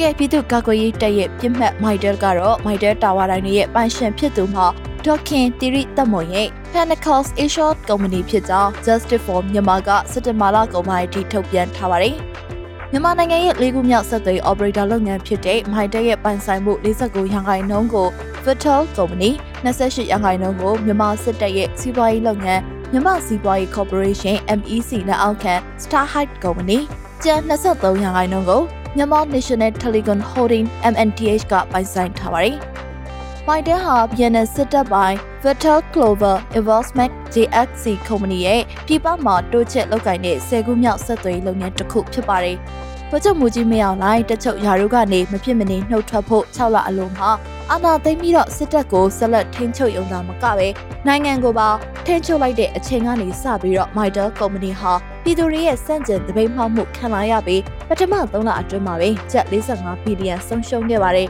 ။မိုင်တန်းမှာဝန်ထမ်း1500ဝန်းကျင်ရှိပြီးတော့တိုင်းနယ်ပြည်နယ်တွေမှာရုံးခွဲ18ခုစီးပွားရေးစင်တာ108ခုနဲ့စက်သွေးပစ္စည်းထားတဲ့3000ရုံး53ရုံရှိတယ်လို့လည်းသိရပြီးကုမ္ပဏီရဲ့2018စီးရင်တွေမှာဖော်ပြထားပါတယ်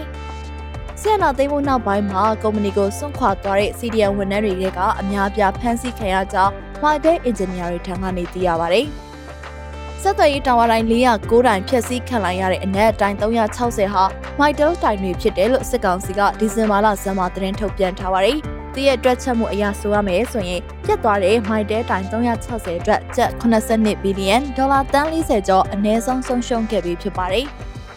မိုင်တဲကနေလွဲပြီးတော့အခြားမြည်သည့်ဆက်သွယ်ရေးလိုင်းမမရတော့တာကြောင့်အဲ့ဒီဒေတာမှာရှိတဲ့ပြည်သူတွေဟာဖုန်းအင်တာနက်စတဲ့ဆက်သွယ်ရေးလိုင်းတွေဆက်လက်သုံးစွဲမရနိုင်တော့ကြောင်းလောက်သက်နှစ်နှစ်ခွဲရှိတဲ့မိုင်တဲအင်ဂျင်နီယာကပြောပါတယ်။ဆီယနာသိမ်းမှုနောက်ပိုင်းမှာကုမ္ပဏီကိုစွန့်ခွာသွားတဲ့ CDN ဝန်ထမ်းတွေကအများအပြားဖမ်းဆီးခံရကြောင်း Mitre Engineering ထံကနေသိရပါတယ်။ စစ်ကောင်စီကစက်တင်ဘာလဇန်ပိုင်းကနေစပြီးတော့တာဝါရိုင်းတွေအနီးမှာမိုင်းထောင်ခြင်းလုံခြုံရေးကင်မရာတက်ဆင်ခြင်းလူဆောင်ချခြင်းစတဲ့နည်းလမ်းတွေနဲ့ကာကွယ်ထားပေမဲ့လည်းဆက်လက်ဖျက်ဆီးခံနေရဆဲဖြစ်ပါတယ်။နိုင်ငံတနိုင်ငံမှာတာဝါရိုင်းဖျက်ဆီးခံရတဲ့ဒေသတွေဟာလူလူဒေါ်လာလှုပ်ရှားမှုငြိမ်သက်နေတဲ့ရခိုင်ပြည်နယ်ကလွဲပြီးတော့ကျန်တဲ့တိုင်းနယ်ပြည်နယ်အလုံးပါဝင်ပါတယ်။နိုင်ငံတော်မှာတာဝါရိုင်းဖျက်ဆီးခံရတဲ့ဒေသတွေဟာလူလူဒေါ်လာလှုပ်ရှားမှုငြိမ်သက်နေတဲ့ရခိုင်ပြည်နယ်ကလွဲပြီးတော့ကျန်တဲ့တိုင်းနယ်ပြည်နယ်အလုံးပါဝင်ပါတယ်။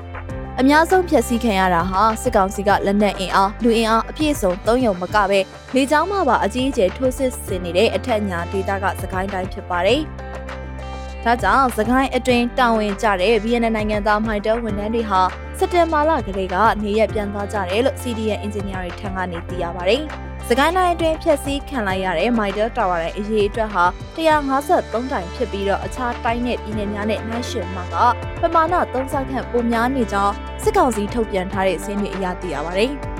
။ Base Transceiver Station BDS Tower ရိုင်းတွေဟာ Sax Sporting Tower SSD လို့ခေါ်တဲ့ Tower ရိုင်းမျိုးစားဖြစ်ပြီးတော့အဲ့ဒီတိုင်တွေရဲ့အမြင့်မှာ42 45 61မီတာရှိတဲ့ကြောင်း2018က Mitre Company ရဲ့ Tower ရိုင်းအယောင်းဝယ်စာချုပ်မှာတွေ့ရပါတယ်။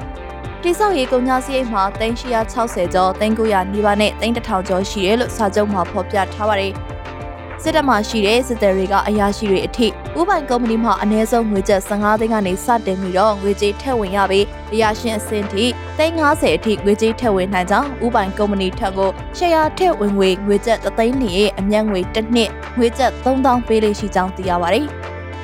ကျွန်တော်တို့ကအဓိကကအမြင်ရခြင်းနဲ့ခံစားရတာတွေကတော့မဆန့်တော့ပါဘူးမညီမျှတာကလည်းကဘာကတောင်သိနေပြီပဲကျွန်တော်တို့မှဒါလေးပဲမျှော်လင့်ရတာလို့စစ်တီတူကပြောပါတယ်ပြည်သူ့ဘက်တော်သားစီရီယံဖိုကြီးညီတူတာက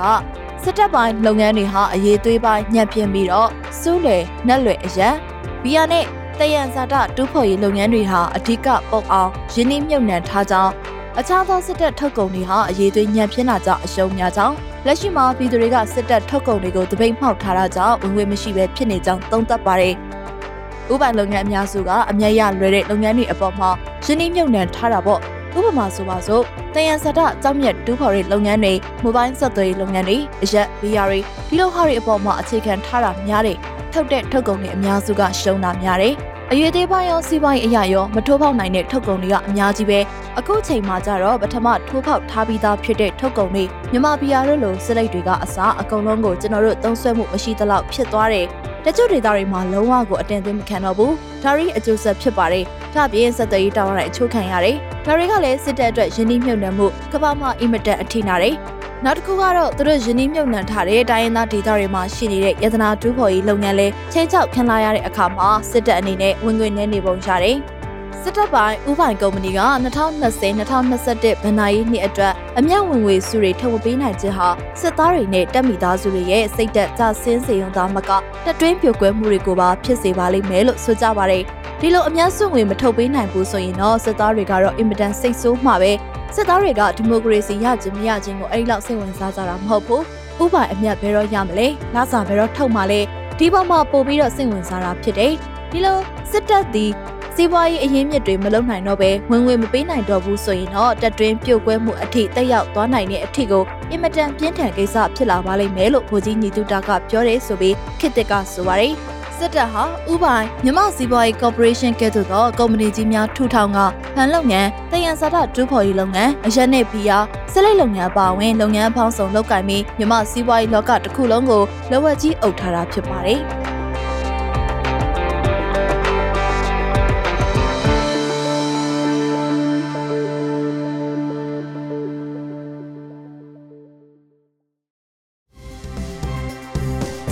မြစီမရေဒီယိုကိုနေ့စဉ်ညနေ6နာရီခွဲမှ9နာရီခွဲအထိတိုင်းတူမီတာ16မီတာစက္ကန့်တက်သမခွန်3မဂါဟက်စ်ကနေပြီးဖမ်းယူနိုင်စင်နိုင်ပါပြီ။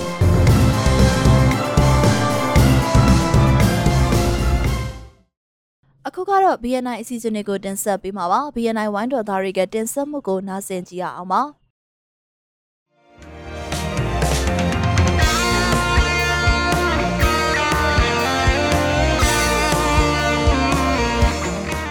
မင်္ဂလာပါရှင်နိုင်ငံတကာမြန်မာသတင်း BNN ရဲ့ဇန်နဝါရီလ23ရက်နေ့အတန်လွင့်အစီအစဉ်တွေကိုစတင်နေပါပြီ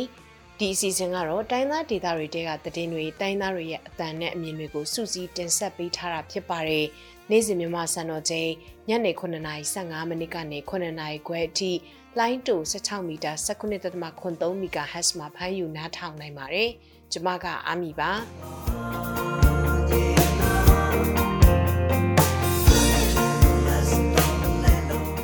ဒီနေ့မှာကြားကြမဲ့သတင်းတွေကတော့ KNU ထိန်းချုပ်ထားတဲ့တပ်မဟာ9ဒေသကိုညနေပိုင်းမှာလေကြောင်းတိုက်ခိုက်မှုတွေထပ်လုပ်ခဲ့ပါတယ်။ခရနီပြည်ရဲ့ရိတ်ခါလမ်းကြောင်းတွေကိုစစ်ကောင်စီတပ်ဖွဲ့တွေကပိတ်ဆို့ဖို့ကြိုးစားနေကြပါတယ်။နောက်ပိုင်းမှာတော့မွန်ပြည်နယ်တဲကမိဘေးအန်ရီနဲ့ပညာရေးနဲ့ဆိုင်တဲ့သတင်းပေးပို့ချက်တွေကိုကြားကြရမှာပါ။သတင်းတွေကိုတော့ကျွန်မနဲ့အတူဆိုင်းမွန်းကနေတင်ဆက်ပြီးသွားမှာပါ။ KNU ထိန်းချုပ်နယ်မြေမူတရခရိုင်တပ်မဟာ9မှာဒီကနေ့ဇန်နဝါရီလ23ရက်နေ့မနေ့အစောကြီးပိုင်းတနိုင်7မိနစ်ခန့်ကစစ်ကောင်စီတပ်ကလီရင်နဲ့ထပ်မံပုံကျဲတိုက်ခိုက်လိုက်တာကြောင့်ဒေသခံတအုပ်တေဆုံးပြီး3ဦးတန်ရာရရှိသွားပါတယ်စစ်ကောင်စီတပ်ကဒွယ်လုံးမြို့နယ်ဝေါ်မူကျေးရွာအုပ်စုရွှေညောင်ပင်ကျေးရွာထဲမှာလေရင်နှစီးနဲ့လာရောက်ပုံကျဲတက်ခိုက်ပြီးဘုံလေးလုံးရွှေညောင်ပင်ကျေးရွာထဲကြားရောက်ပောက်ကွဲခဲ့တာပါ ပောက်ကွဲမှုကြောင့်ဒေသခံထိခိုက်ဒေဆုံးမှုဖြစ်တဲ့အပြင်အဆောက်အဦ၅လုံးလည်းထိခိုက်ပျက်စီးသွားတယ်လို့ KNU တည်င်းနဲ့ပြန်ကြားရေးကဒီကနေ့ဒီဇင်ဘာ23ရက်နေ့မှာပဲထုတ်ပြန်လိုက်ပါတယ်။အဲ့ဒီတိုက်ခိုက်မှုမှာ KNU ထိန်းချုပ်နယ်မြေရွှေကျင်မြို့နယ်တပ်မဟာ3အစ တပ်မဟာ9နယ်မြေအတွင်းရှိကျေးရွာတွေကိုဥတီတိုက်ခိုက်တဲ့အတွက်ဒေသခံလူထုတေဆုံးမှုလူနေအိမ်အဆောက်အဦထိခိုက်ပျက်စီးမှုရှိတယ်လို့ KNU တပ်မဟာ9ပြူဟာမူပုံမူကြီးစောထုကရှောက KIC တည်င်းဌာနကိုပြောပါတယ်စစ်ကောင်စီဟာတိုင်းရင်းသားဒေသတွေကိုလေရင်နဲ့ညတကောင်အချိန်ပြန်တန်းတိုက်ခိုက်မှုဟာဒီတလအတွင်းတိုးလှုပ်လာတာဖြစ်ပါတယ်စစ်ကောင်စီတပ်ကဂရနီပြည်နယ်ကလူထုကာကွယ်ရေးတပ်လူနေရက်ကွက်ရက်ရွာတွေကိုလေရင်နဲ့ပြစ်ခတ်တိုက်ခိုက်တဲ့အပြင်ရင်မောင်းတွေ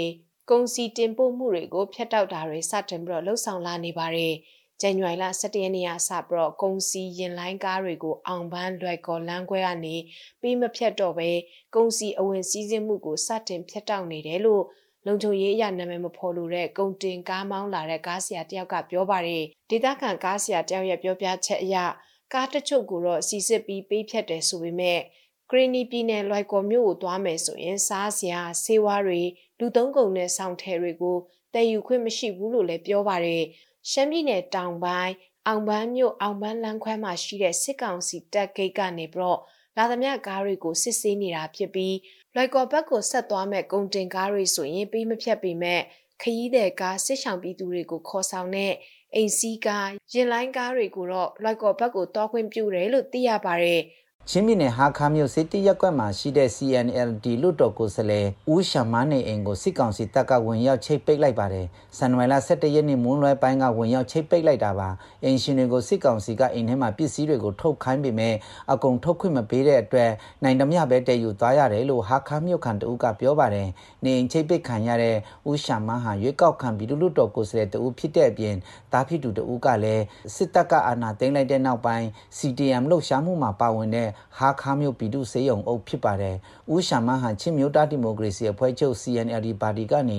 2020ရွေးကောက်ပွဲမှာချင်းပြည်နယ်အတွင်းတဦးတည်းအနိုင်ရတဲ့ရွေးကောက်ခံပြည်သူ့လွှတ်တော်ကိုယ်စားလှယ်တဦးဖြစ်ပါတယ်။ချင်းပြည်နယ်မှာစစ်ကောင်စီကနေချိတ်ပိတ်တင်းယူလိုက်တဲ့လူနေအိမ်လေးလုံးရှိပါတယ်။ဒီဇင်ဘာ26နေ့တုန်းကစမီးမြို့က NLD လွှတ်တော်ကိုယ်စားလှယ်စလိုင်းမျိုးထိုက်နေအိမ်အောက်တိုဘာလ30ရက်နေ့ကဟာခါမြို့နေချင်းမျိုးသားတပ်ဦး CNF တူဥက္ကဋ္ဌဖြစ်တဲ့အမျိုးသားညီညွတ်ရေးအစိုးရ NUG Federal ပြည်ထောင်စုဝန်ကြီးဒေါက်တာလျံမုံစခေါင် နေအိမ်အပါဝင်ဂျောပုတ်ရက်ကွက်မှာတိတ်ခါတော်ရဆရာတော်ဦးပန်ဂျမ်နေအိမ်တို့ကိုလည်းချိတ်ပိတ်တိမ့်ပိတ်လိုက်တာဖြစ်ပါတယ်ရေးမြို့ပေါ်အောင်မင်္ဂလာရက်ကွက်အမှတ်9မူလရန်လွန်ကျောင်းမှာတော့ကျောင်းသူကျောင်းသား၄ဦးမှာ COVID-19 ရောဂါပိုးတွေ့ရှိခဲ့တယ်လို့သိရပါတယ်။ယောဂကူးစက်ခံရတဲ့ကျောင်းသူကျောင်းသား၄ဦးက KG1 Grade 3မှာပညာသင်ကြားနေသူတွေဖြစ်ပြီးဇန်နဝါရီလ10ရက်နေ့မှာအတီးပြုစစ်ဆေးတွေ့ရှိခဲ့တာဖြစ်ကြောင်း ရေးမြို့နယ်ကလူမှုကယ်ဆယ်ရေးလုပ်ကိုင်နေသူတယောက်ကပြောပါတယ် COVID-19 ကူးစက်ခံထားရတဲ့ကလေးငယ်၄ယောက်ကရေးမြို့ပေါ်အောင်မင်္ဂလာရက်ကွက်မှာနေထိုင်သူ၃ဦးနဲ့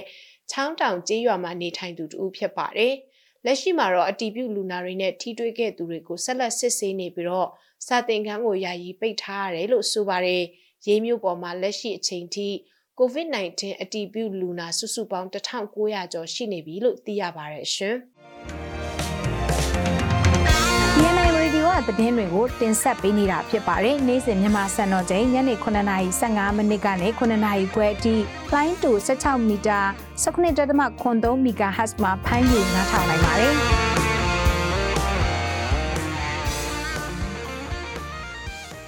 အခုသတင်းလွှာတွေကိုဆက်လက်တင်ဆက်ပေးသွားမှာပါမူပြည်နယ်အတွင်းမှာပြီးခဲ့တဲ့2021ခုနှစ်အတွင်းအရင်နှစ်ကထက်မီးလောင်တဲ့အကြိမ်ကြီး34ကြိမ်တိုးလာခဲ့ပေမဲ့ဆုံးရှုံးမှုတန်ဖိုးကတော့ ကျပ်တန်းပေါင်း200လောက်လျော့နေခဲ့တယ်လို့မွန်ပြည်နယ်မိသက်ဦးစီးမှုရုံးကပြောပါရယ်။ဘာကြောင့်ဒီလိုမျိုးဖြစ်ရတာလဲဆိုတာကိုတော့မိရင်ထောမွန်ကပြောပြထားပါရယ်။မွန်ပြည်နယ်မှာ2021ခုနှစ်တနှစ်သားတွင်မိလောင်မှု132ကြိမ်ဖြစ်ပေါ်ခဲ့ပြီးအရင်နှစ်ကထက်34ကြိမ်ပိုများတယ်လို့မွန်ပြည်နယ်မိသက်ဦးစီးမှုရုံးကသိရပါဗျ။ဒါပေမဲ့ဆုံးရှုံးမှုတန်ဖိုးကိုအရင်နှစ်ကနဲ့နှိုင်းယှဉ်ရင်တော့ ကြက်တန်200လောက်လျော့နေတယ်လို့မွန်ပြည်နယ်မိသက်ဦးစီးဌာနမှညွှန်ကြားရေးမှူးဦးစိုးဝင်းကအခုလိုပြောပါတယ်။21မှာတော့45တမ4ချင်းနေဆိုတော့209တမ1နှစ်1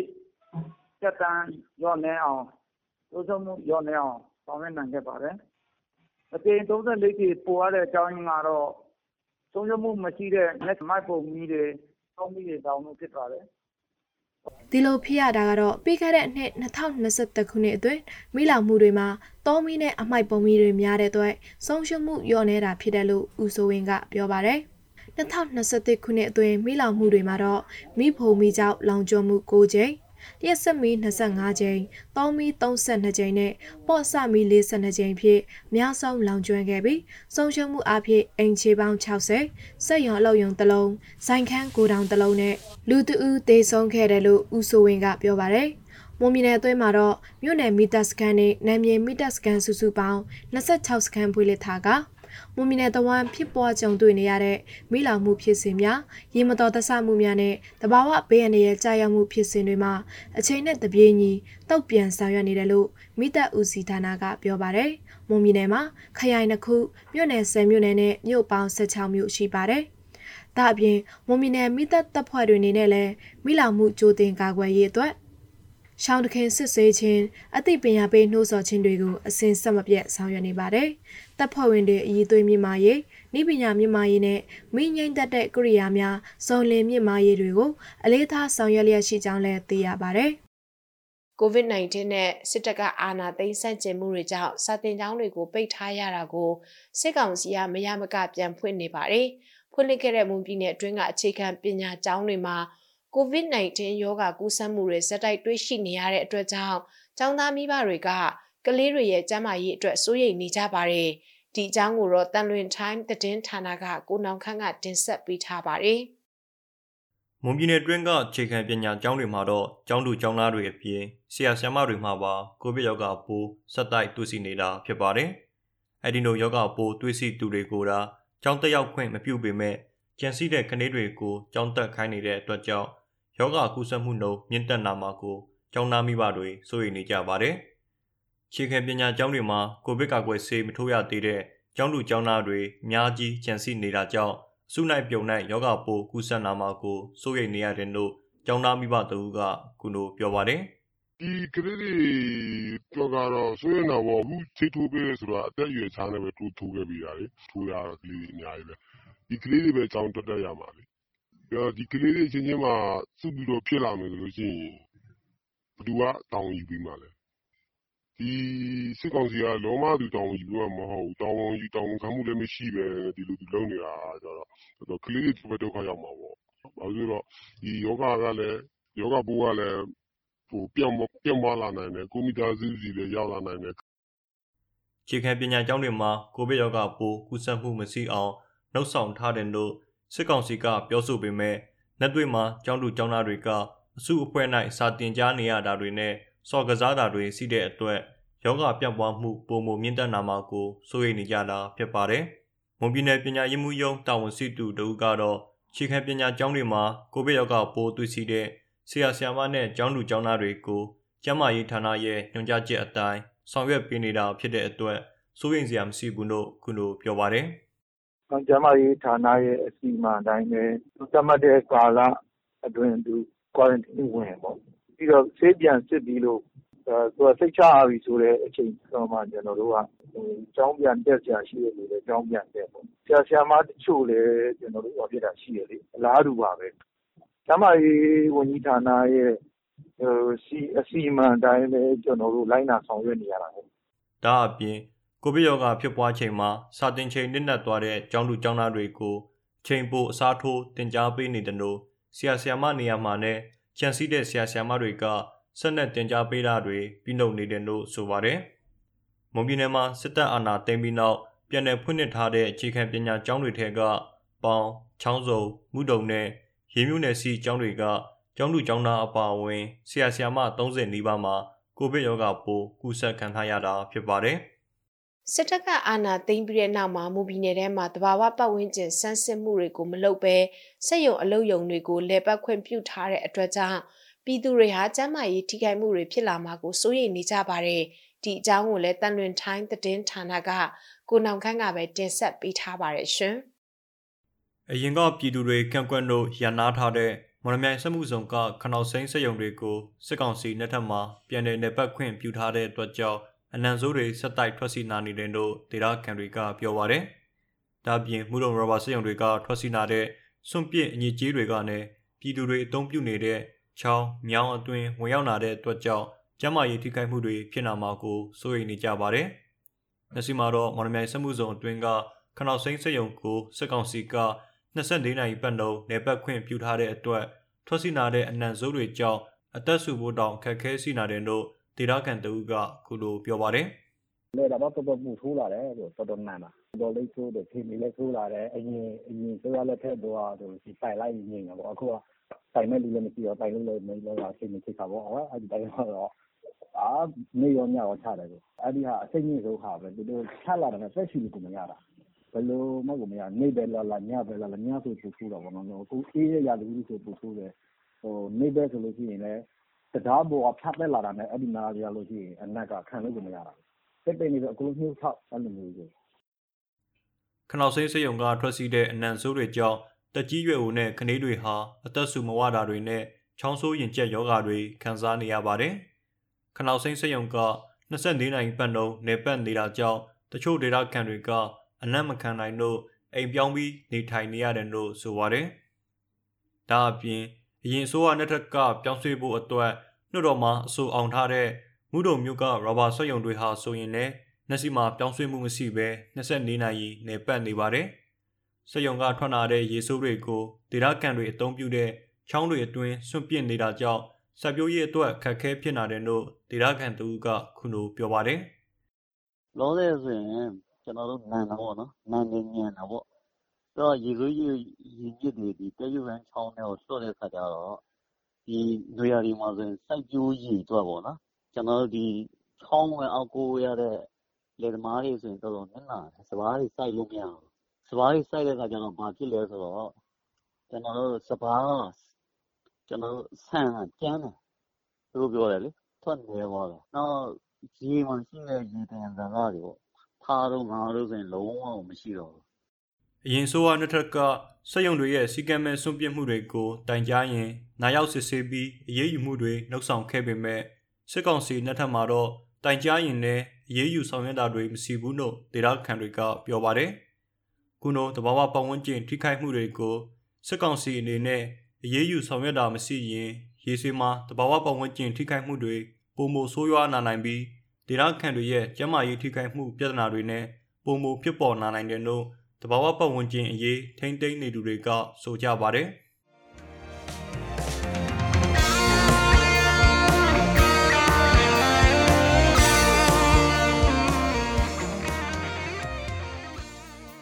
အခုနားဆင်ခဲ့ကြရတာကတော့ BNI Radio ကနေ့စဉ်သတင်းအစီအစဉ်ပဲဖြစ်ပါတယ်။ဒီအစီအစဉ်ကိုနေ့စဉ်မြန်မာစံတော်ချိန်ညနေ9:15မိနစ်ကနေ9:00ခွဲအထိ15မိနစ်ကြာထုတ်လွှင့်နေတာဖြစ်ပါတယ်။ နားဆင်ပေးတဲ့အတွက်ကျေးဇူးတင်ပါတယ်ရှင်။ကျွန်မကအမီပါ။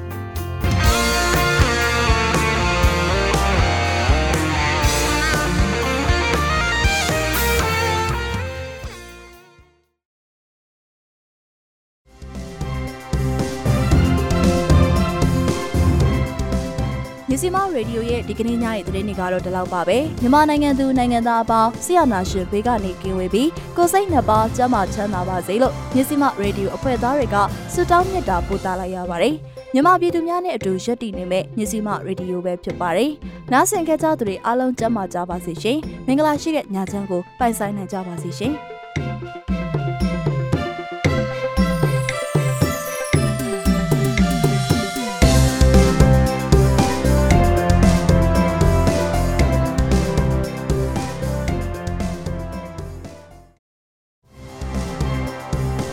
မတို့ရဲ့မြစီမရေဒီယိုကိုနေ့စဉ်ည6နာရီခွဲမှည9နာရီခွဲထိလိုင်းဒိုမီတာ16မီတာ